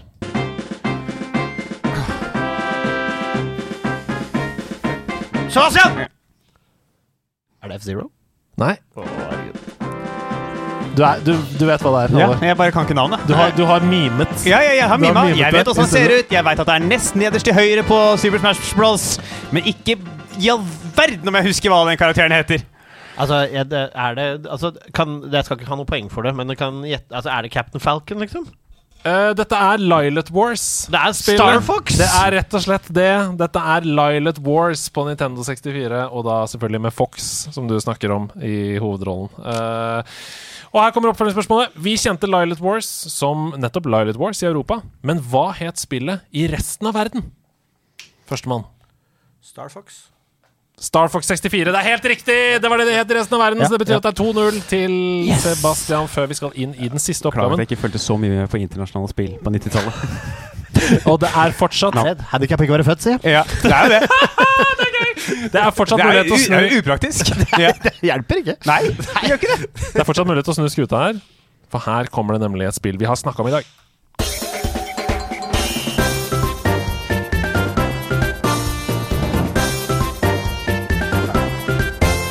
Sebastian. Jeg vet ikke hva det er, men siden vi har snakket om det Er det Paper Mario? Nei da! Da kan du få svare. Nei,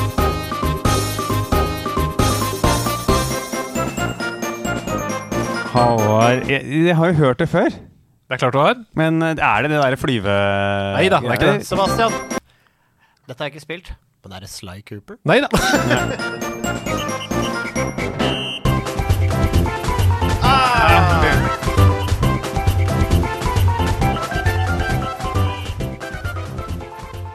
Og det er ikke Paper! Altså, hva, Nei. Uh, Er det Er det remaken av uh, Super Mario 64? Nei da, men vi er på Nintendo 64. er super, og vi har snakket om det før i dag, uh, og det er Ja. Ja. Å, da, Det var noen indianer mm. Det hadde jeg ikke lov å si. men- Nei, det er cultural appropriation, ja. Mhm. Uh, Men det er klart det var mye av det i dette første spillet i denne veldig suksessrike serien. Kulturell appropriasjon? Sebastian! Ja. Er det Smash Bros? Nei da. Kulturell person på Nintendo Nei, Drit nå i det, da. er det, er det bare Super Mario 64? Nei. Helt vanlig? Nei. Du spilte det sammen med Smash hos din venn. Oi, jeg, Ja, Sebastian. Ja! Mario Party. Ja! Det er Mario Party 1! Ja. Det aller første Mario Party. Og her kommer oppfølgingsspørsmålet til det aller første Mario Party.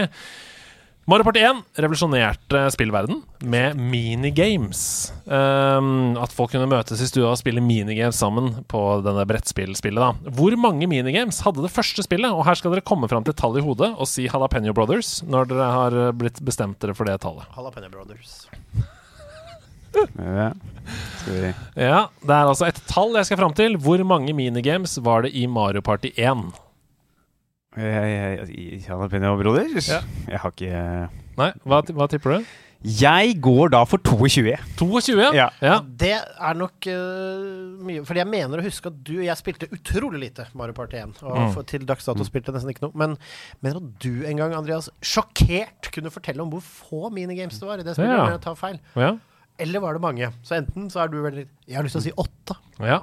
Det var 50, så det er poeng til Oi, oi, oi. Håvard! Det Og var utrolig betyr mange det var, ja. Det betyr at du fortsatt har vunnet Gå lydplaget, Sebastian! Og det her er det en teaterfyr som er nødt til å komme seg ut! Kom deg Du på må late som du går planken her. Gå, gå, gå! Da må du late som. La oss Å, Nei! Kom igjen, da! Her er sabelen min! Jeg skal dytte deg ut i vannet! Å, nei, nei, nei. Hopp, hopp, hopp, hopp, hopp! hopp. Ja, ok, greit. Oi! Fy faen. Altså, det det, altså, det er fantastisk. Jeg, og jeg må bare si, har det noen gang vært levert dårlig lydplagg? Jeg kunne ikke svare på noen spørsmål. Nei, altså, det, det, vet du hva? Og vi to sammen er de to dårligste lydplankene til nå. Det er sagt, det er handikap å ikke være fem år når ting kom ut. Det er eh, Jeg kan ikke detaljene på ting jeg spilte da jeg var tre. Det har vært vanskelig, og vanskeligere skal det bli.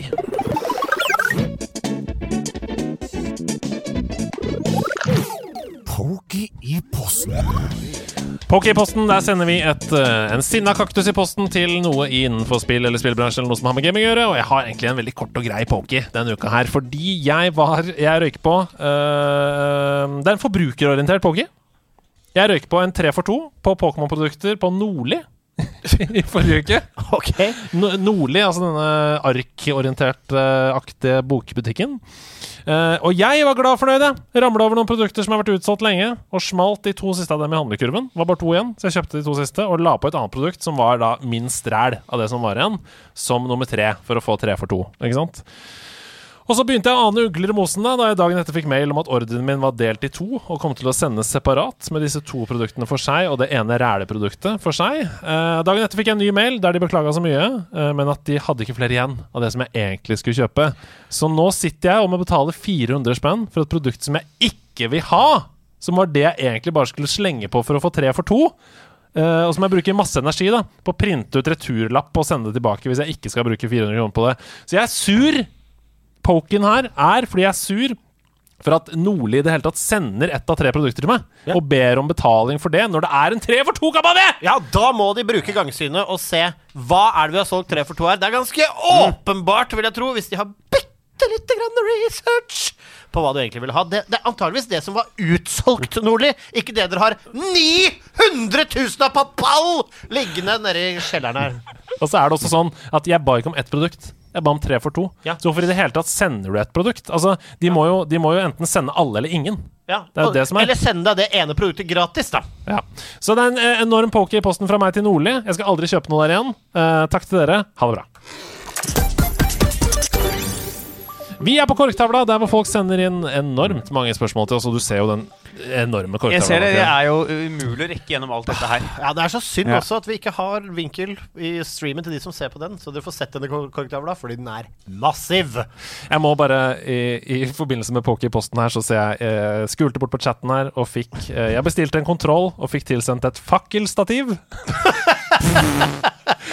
Skal jeg få pengene tilbake, må jeg betale for frakt tilbake til Danmark. Er det én ting jeg liker, så er det det greiene Nordli driver med på nettbutikken om dagen. Det er altså pils, brennevin, ecstasy og gung-ho, altså. Ok, korrektavla dere. Uh, hei, alle sammen. Jeg driver med countdown til utgivelsen av Mario Striker Battle League. Og der gir jeg ut en tweet hver dag. Vil dere bidra med deres ønsket five-a-side-lag med valgfrie Nintendo-karakterer og deres attributter? Uh, Mario Strikers Battle League kommer jo på fredag. Det etterlengtede fotballspillet til Nintendo Switch. Det er noe for deg. Det eh, Jeg sliter med sånn, fantasy, sånn fotball med rare karakterer. Det er ikke noe for deg. Ja. Eh, men hvilke altså Hvis vi skulle lagd fem five-side-lag, da Ole Kristian som spør om dette. Mm. Hvilke fem karakterer ville dere hatt på Mario Strikers? Ja, Mario, laget? av Super Mario-karakter, ja. Ja. Jeg ville jo hatt uh, Altså, kan er det er tredjeparts uh, tredjeparts så for eksempel Sonic som Her tenker jeg at uh, innenfor Nintendo-universet så må vi si ja. Eh, altså, Bowser må, må jeg være no-brainer, eller? Bowser som keeper der? Bowser Ja. Ja Eller men, er han- men Luigi er høyere, liksom. Ja, for Bowser er ikke så mobil, nei. Nei. Kanskje han er mer sånn Thor Hogne Aarøy-aktig Han er mer hockeykeeper, Bowser. Ja, her må vi, det, det kommer an på størrelsen på målet. Ja, det er eh, sant. hvor Bowser skal inn der. For han tror jeg er, altså, han er god én mot én. Mm. Tror jeg han er. Jeg vil Ja, det er Sonic, det. men jeg vil hatt Sonic som en utprega bakgrunnsspiss. Ja, og Ja. ikke som en løpende wingback opp og ned på høyre side. Ja, ja, kanskje. Altså, han er jo så rask at det blir jo parodisk uansett hvor du setter den på mange måter. Men eh, jeg ville hatt eh, Vet du hva, jeg kan, jeg kan kjøre. Jeg ville hatt eh, jeg ville hatt, mm, jeg ville hatt Sonic. Jeg ville Ja. også hatt Miles Tales Prower, altså, for han er go- sterk i lufta. Ja. Tails, ja. Ja, kan Både fly. Sonic og Tails, ja. Han kan fly. Men nå må vi la Halvard få inn en karakter eller to her. Jeg blir jo Ash Ketchum, da. Ja, du skal ha Æsj! ja. Er ikke han bare en vanlig gutt? En vanlig gutt som skal stå og g- g- catch em all baki der i for forsvaret. Det er, det er, sterk, sterkt. Det, det er ordspillpoeng også. Da. Keeper bør være være, da. Catch them all. Ja, kanskje han er keeperen, Ja, Det er, Men, men igjen, gotta catch them all. Det er ikke I have caught them all. Nei. Nei, men, sånn var det for, Lu- for Karius òg, i Champions League-finalen for noen år siden. Gotta catch them all, Karius. Uh, Stakkars Ja. Um, OK, Atch catch, catch them. Um, Vet du hva? Eh, nå er det jo ofte sånn at um, eh, Å, hva heter de der um, små figurene som du styrer eh, Dette er en Nintendo-franchise. Ja! Pikmins de kommer jo gjerne mange i form av én. Kan vi si Jeg vil at Pikmin skal være én posisjon, sånn at det er 80 Pikmin på, på det spiss? føles juks, altså. Det føles Ja. juks. Men vi skal jo, den jeg også ville hatt på laget mitt, er jo eh, den eh, karakteren som styrer kamera i Mario 64. Ja, som Som- sitter oppe i skya der. Ja, Som du bare ser når du står i speilen. Ja. Så du kan kanskje få kasta ballen opp til, så kan du bare ta den på skyen. Og Da har vi Tails og Sky. Vi har Ja. veldig godt hode, vi har hodestyrke. Ja, Jeg, Jeg bare lurer på om Lanky også har en god sjanse for å stå i mål, altså. Mm, nei, vi må ha Ash Ketchum i mål. Ja, all. Eh, ja, OK. eh, Det blir mye hands. Gudsson, da, eventuelt. Lanky der. Nei, altså, vi trenger en til. Er ikke det vi trenger? Vi trenger en til. Jeg smeller inn som et forslag Kirby. Ja. Er det lov å inha- inhalere ball, eller? Han Jeg vet blir jo, han blir jo ball! Ja. Han blir jo ball. Han vil spille med. Ja, Vi spiller med Kirby. Ja. Vi tar med oss Kirby på laget, Ja. suger inn ballen, Ja. så spiller vi med Kirby. ja. Ja, nei, men det laget, det er satt, da. Ja. Der er svaret ditt. En, en liten lynrunde her. Kong Bo spør hvordan pleier du håret ditt fra en krølle til en annen. Du, eh, det er inn i dusjen, eh, på med vannet, eh, hvete det, i med balsam, gre det eh, med fullstendig vått og med balsam i. Så skylle det ut igjen, og så uh, gi med noe krøllet krem eller ingenting, litt avhengig av hva jeg skal senere på dagen. Krøllet krem. Krøllekrem. Krøllekrem. Ja. Det er noe av det vakreste ordet jeg har hørt. Ja. Krøllekrem. Krøllekrem. Det er jo da altså hårpaste for oss med krøller. Herregud, du har det nye nikket ditt hvis du ville bytte fra United uh, Krøllekrem 69! Krøllekrem 95? Ja, krøllekrem 95. Ja. For på. Det er en drøm. Ok, Hei, hvilken gaming community syns dere er mest toxic, og hvorfor? spør Nikki. Og det er vel League of Legends, eller? Vi League har of snakket om det allerede. Det er umulig å trå en fot feil uten å bli drapstrua. Men Så det er veldig mange contenders. ja, det er det. Rasmus han spør hva slags negative sider syns dere spillindustrien og spill i seg selv har. Og Rasmus, de to neste ukene på Sidequest så kommer det spillindustriens seks største utfordringer med meg, Erik Fossum og Audun Rodem fra gamer.no. Og vi diskuterer alt dette her over to timer. Så da kan du bare høre svaret ditt der. Ja, deilig. Det er det vi syns. Pokerfrik han spør Har du noen gang brukt noe fra spill i standupene dine. Jeg elsker humoren din, Haller. Det er så hyggelig. Spill i uh, standup, det har jeg ikke gjort. Nei. Kommer det til å skje nå etter du har besøkt her? Etter besøkt her, så tror jeg jeg lager vits om nyeste FM-fila mi. ja. Hva er det verste spillet du noen gang har spilt, Halvard? Spør, spør Malin. Verste spill jeg noensinne har spilt uh, Mens du tenker på det, Ja. så kan eh, du få svare på Vil du være cowboy som rir på oksen, eller vil du være klovnen som distraherer oksen? Sebastian? Cowboy som rir på boksen. Ja, Du vil ikke være klovnen som løper foran? Rip, rip, rip. Eh, det føles mindre Tenk på verste spill, da. Det, det, føles, det. det føles mindre glory ut å være den, men like mye stor sjanse for juling. Ja, for jeg tror det er lettere å dø kanskje som klovn, ja. Det er et godt poeng. Jeg tror egentlig ikke det. Jeg tror det er st- høyere, høyere risiko på oksen, ja. Men da får du også mye mer creds, da. Ja. Jeg vet ikke om du har sett den Netflix-serien Jeg prøvde å se på den om bullriding, fordi jeg har fått så mange sporter jeg liker etter jeg begynte å se på sånne dyre Netflix-serier. Selvfølgelig. Funka ikke.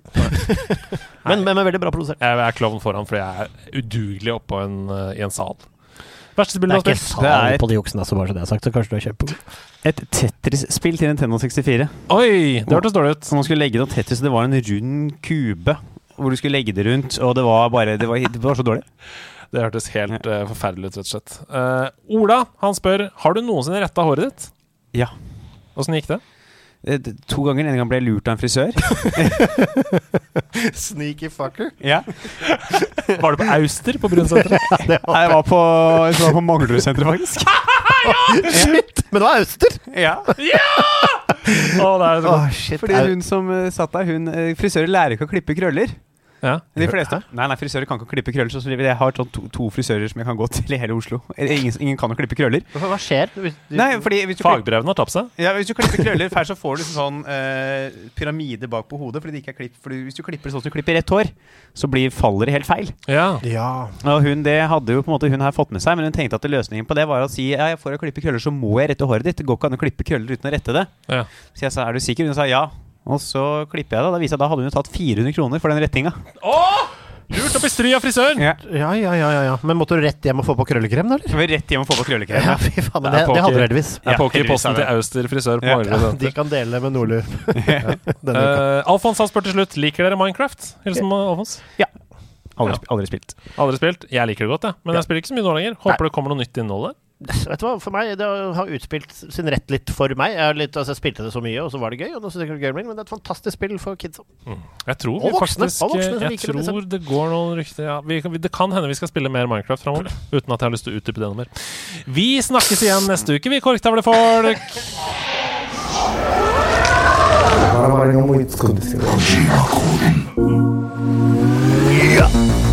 Hans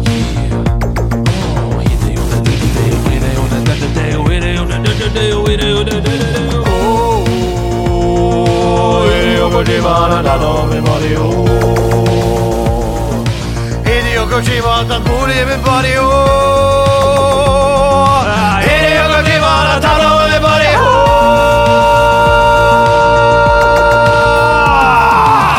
Velkommen inn i Kojima-koden. Hideo Kojima. Han har tatt over min body, body, body, body, body, body, body, body, bodyen, body, body, body, body, body.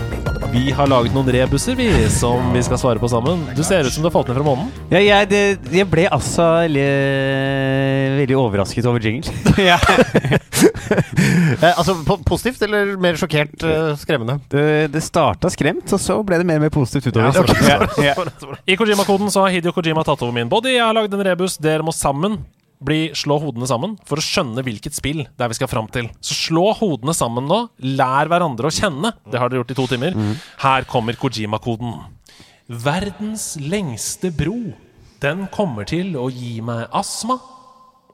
Men jeg kan ikke gi opp nå, for jeg må smelte plasma. Verdens lengste bro, den kommer til å gi meg astma. Men jeg kan ikke gi opp nå. Jeg må smelte plasma. Vi skal over en lang bro. Vi skal det. Uh, ja. Tenk litt gamingbror. Altså, det kan jo være metafor, men jeg må smelte plasma. Er jo også en greie her. Ja, Verdens lengste bro. Melte plasma. Ja, jeg kan si at smelte kunne vært slå, banke Det, det er bare Ja, plasma, ikke sant? Plasma, det er jo slemmingen. Hvem er plasma? Hvor får vi plasma? Verdens lengste bro. Um, jeg tenker med, umiddelbart på Bridge uh, Er det Road to Nowhere, eller Bridge to Nowhere den heter, fra Crash Bandicoot? Og der er det jo en Cortex, og er det en slemming der som heter Plasma, da, tro? Dette her med, er det med at ikke jeg vet eh, om det er noen plasmaskurk i eh, Crash Bandicoot. Igjen. Det er, altså, det er det eneste gjettet jeg har på første. Så hvis ikke du har noe bedre, så Du, jeg har ikke noe bedre Crash Bandicoot. Det er dessverre feil, og her kommer ledd nummer to. Fortsett å slå hodene sammen. Jeg, ser- jeg syns ikke dere slår nok. Skal vi slå hardere? Ja, ok. Er du klar? Ja. Veldig bra. Denne gangen skal jeg langt av sted, helt til Flokkesy. For nå er det 156 til, og en total på 649.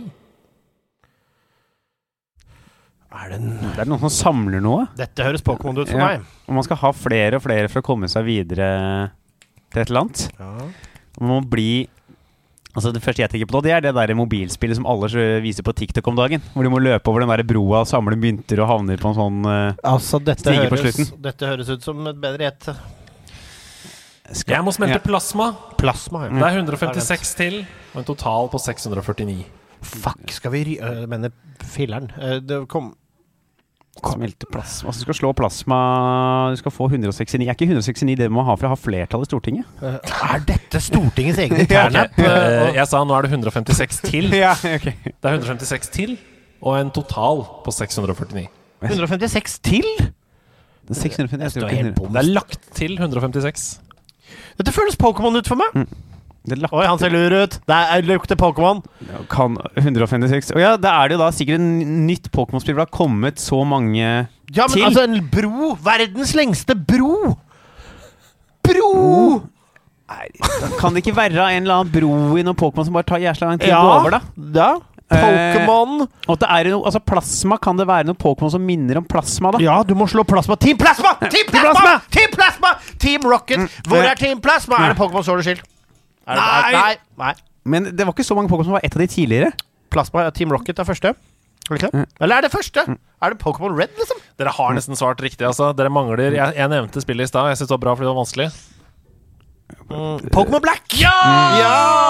Dette er Pokémon Black og White, hvor du skal gå over Sky Arrow Bridge. Og det varer og varer og varer og rekker og varer og rekker. Og det er da selvfølgelig så mange Pokémon til sammen eh, som 649. Det er mange. Så det ble ett poeng i denne oppgaven, og nå skal du komme med din rebus, og så må vi slå hodene våre okay, sammen. Er du klar for å slå hodet med meg? Jeg er klar. Ja, en, to, tre. Hasse Oi, dere klakka hardt. Ja, vi klakker. Vi slår hardt, vi. Dette er jo Hasse som sender sin hilsen fra, fra Knesengen, som det heter. Her kommer Hasses Kojima-kode. Ja! Hasses Kojima-kode. Så eh, Kojima, Hidio Kojima har tatt over Hasse, som igjen har tatt over deg, på en måte. Ja. Og jeg og Hasse har en veldig dyp spirituell connection. Så okay. det, høres, det høres kanskje ut som jeg leser nå. Nei, nei, dette er han som snakker gjennom meg. Han har råd si. Nå er vi det. En sjanger som nok har blitt litt glemt. Jeg vet ikke hvorfor, jeg spiller den jevnt. Om tre faksjoner som møtes til kamp. Kun én av dem minner om oss, din ramp. ja, dette vet jeg hva er. Så her kan du få lov til å tenke litt, for det her, dette, dette kan jeg. Kan jeg, bare eh, resonnere på noen gjetteting? Det er tre fraksjoner. Mm. Noen minner om oss. Kan det være noe mennesker mot noe alien-opplegg? Helt riktig. så man skal slåss mot to grupperinger med aliens. Mm, det er også helt riktig. Hva heter de, da? Eh, Hva heter jeg? Det Det veit jeg jo ikke. Nei. Er det noe du tror jeg kan altså Skal vi til gammel Er det noe gammelt? Ja ja, det er klart det er det. Det er klart det er gammelt. Det er Jeg Jeg at jeg er født fem år for tidlig. Det er for sent for eh, For mye her. Født fem år feil. Fem år feil generelt, ja. uh, nei, jeg veit ikke. Nei, dette er Starcraft. Starcraft. Dette er Starcraft. Ja! Dette er Starcraft! Vil du høre resten eller? Ja! Ja, vi tar resten fra Oi, der hadde jeg klart å logge ut. Der er det! Han snakker er- om, han snakker om RTS-sjangeren, altså real time strategy. Det er veldig lite av det. Sånn som Red Alert, det spilte du kanskje? Eller Ikke spilte Red Alert. Nei. Command and Conqueror? Ikke? Ja. Resten av Hasses uh, Kojima var så stort ble spillet i Østens land at unge og gamle gikk hand i hand for å se det ble spilt på diverse kanaler og fulgte nøye med helt til spillhandgaler. Menneske, krypdyr og smarte romvesen tenker ut din taktikk, men ikke vær kresen, for det går an å cheese og bare rushe inn, særlig hvis du er Zerg. Sjansen øker da for win. Å, Hasse, der er du god! Han er god! han er Ja, god ja, ja, Det er jo dikt, dette. Ja, det er et dikt. Tusen takk, Hasse, for en nydelig Kojima-kode via Sebastian. Tusen takk. Var du i nærheten? Nå? Har du hørt om Starcraft? Ja, men jeg har jo ikke Jeg hadde ikke klart det om vi også hadde sittet her til i morgen tidlig. Det er jo da Terran, eh, Protos og Zerg da, Mm. som er Og vi skal ikke sitte her til i morgen tidlig, for vi er ved veis ende. Er vi ved veis ende? Vi er ved veis Nå har vi sittet her i to timer og ti minutter allerede, vi. Det har vi. Da skal vi slenge på en anmeldelse på toppen, så nærmer vi oss en to og en halv time på denne episoden her, tenker jeg. Men det har vært gluggkoselig, har det ikke Om det? det har, eller? Ja, altså Tusen hjertelig takk for at du kom, Halvard. Er det noe du har lyst til å si på slutten? Hvor kan vi se deg? Hvor kan vi Plugg deg sjøl! Hvor kan vi finne deg? Du, nå er det jo eh, Jeg skal til Trondheim om noen uker. Ja. 16, skal til Steinkjer 16. Steinkjer! 16. juni. Blir det, der blir det mer eh, humor og tøys, og kanskje en gamingvits. Og det kan hende det blir en gamingvits. Og uh, jeg skal få slengt inn kanskje en referanse til noe, noe Starcraft. Jeg. Ja, Ja. Starcraft jeg Skal lese meg på Starcraft. Skal jeg få slengt inn referanse der. Jeg syns det er litt kaldt her. Er det noe Surg i lokalet, Ja. eller? Oi, oi, oi, oi, oi. Og så tenker jeg at vi må få den uh, PS-matta di til det spillmuseet i Kalmar eh, eller Karlstad, hvor faen det. Ja. Det blir, blir en roadtrip. Uh, jeg, tar, jeg skal ta med meg elsykkelen og sykle den til Karlstad hele sommeren. Ja, men vet du hva? Det blir minutt for minutt-sending. det, Ja, det er en Instagram live om meg noe. Kan jeg få sitte på bagga? Jeg skal ordne meg bagasjerom til elsykkelen. Hvis du kan ha med en ryggsekk, så må ha med ekstra batteri, sånn at vi kommer oss litt lenger om dagen. Men vi tar, vi tar vet du hva? Milslukeren, som du kaller den sykkelen. Det blir hyggelig, det. Jeg Og du drar ut kabelen her fra sekken og rett i ramma, og så er vi på Og vi var så nære å klare uten. Men kabelen rett i ramma, der er vi i gang. Og vet du hva? Jeg velger å ta ordet, Andreas Ja. Edman, og takke for oss her i Nerdelandsdagen. Det har vært fantastisk å podcaste. Tusen takk for at du kom! Du, veldig hyggelig å være her. Ja, du er helt nydelig. Vi snakkes igjen. Og husk da, folkens, at uh, TV-spill, det er gøy.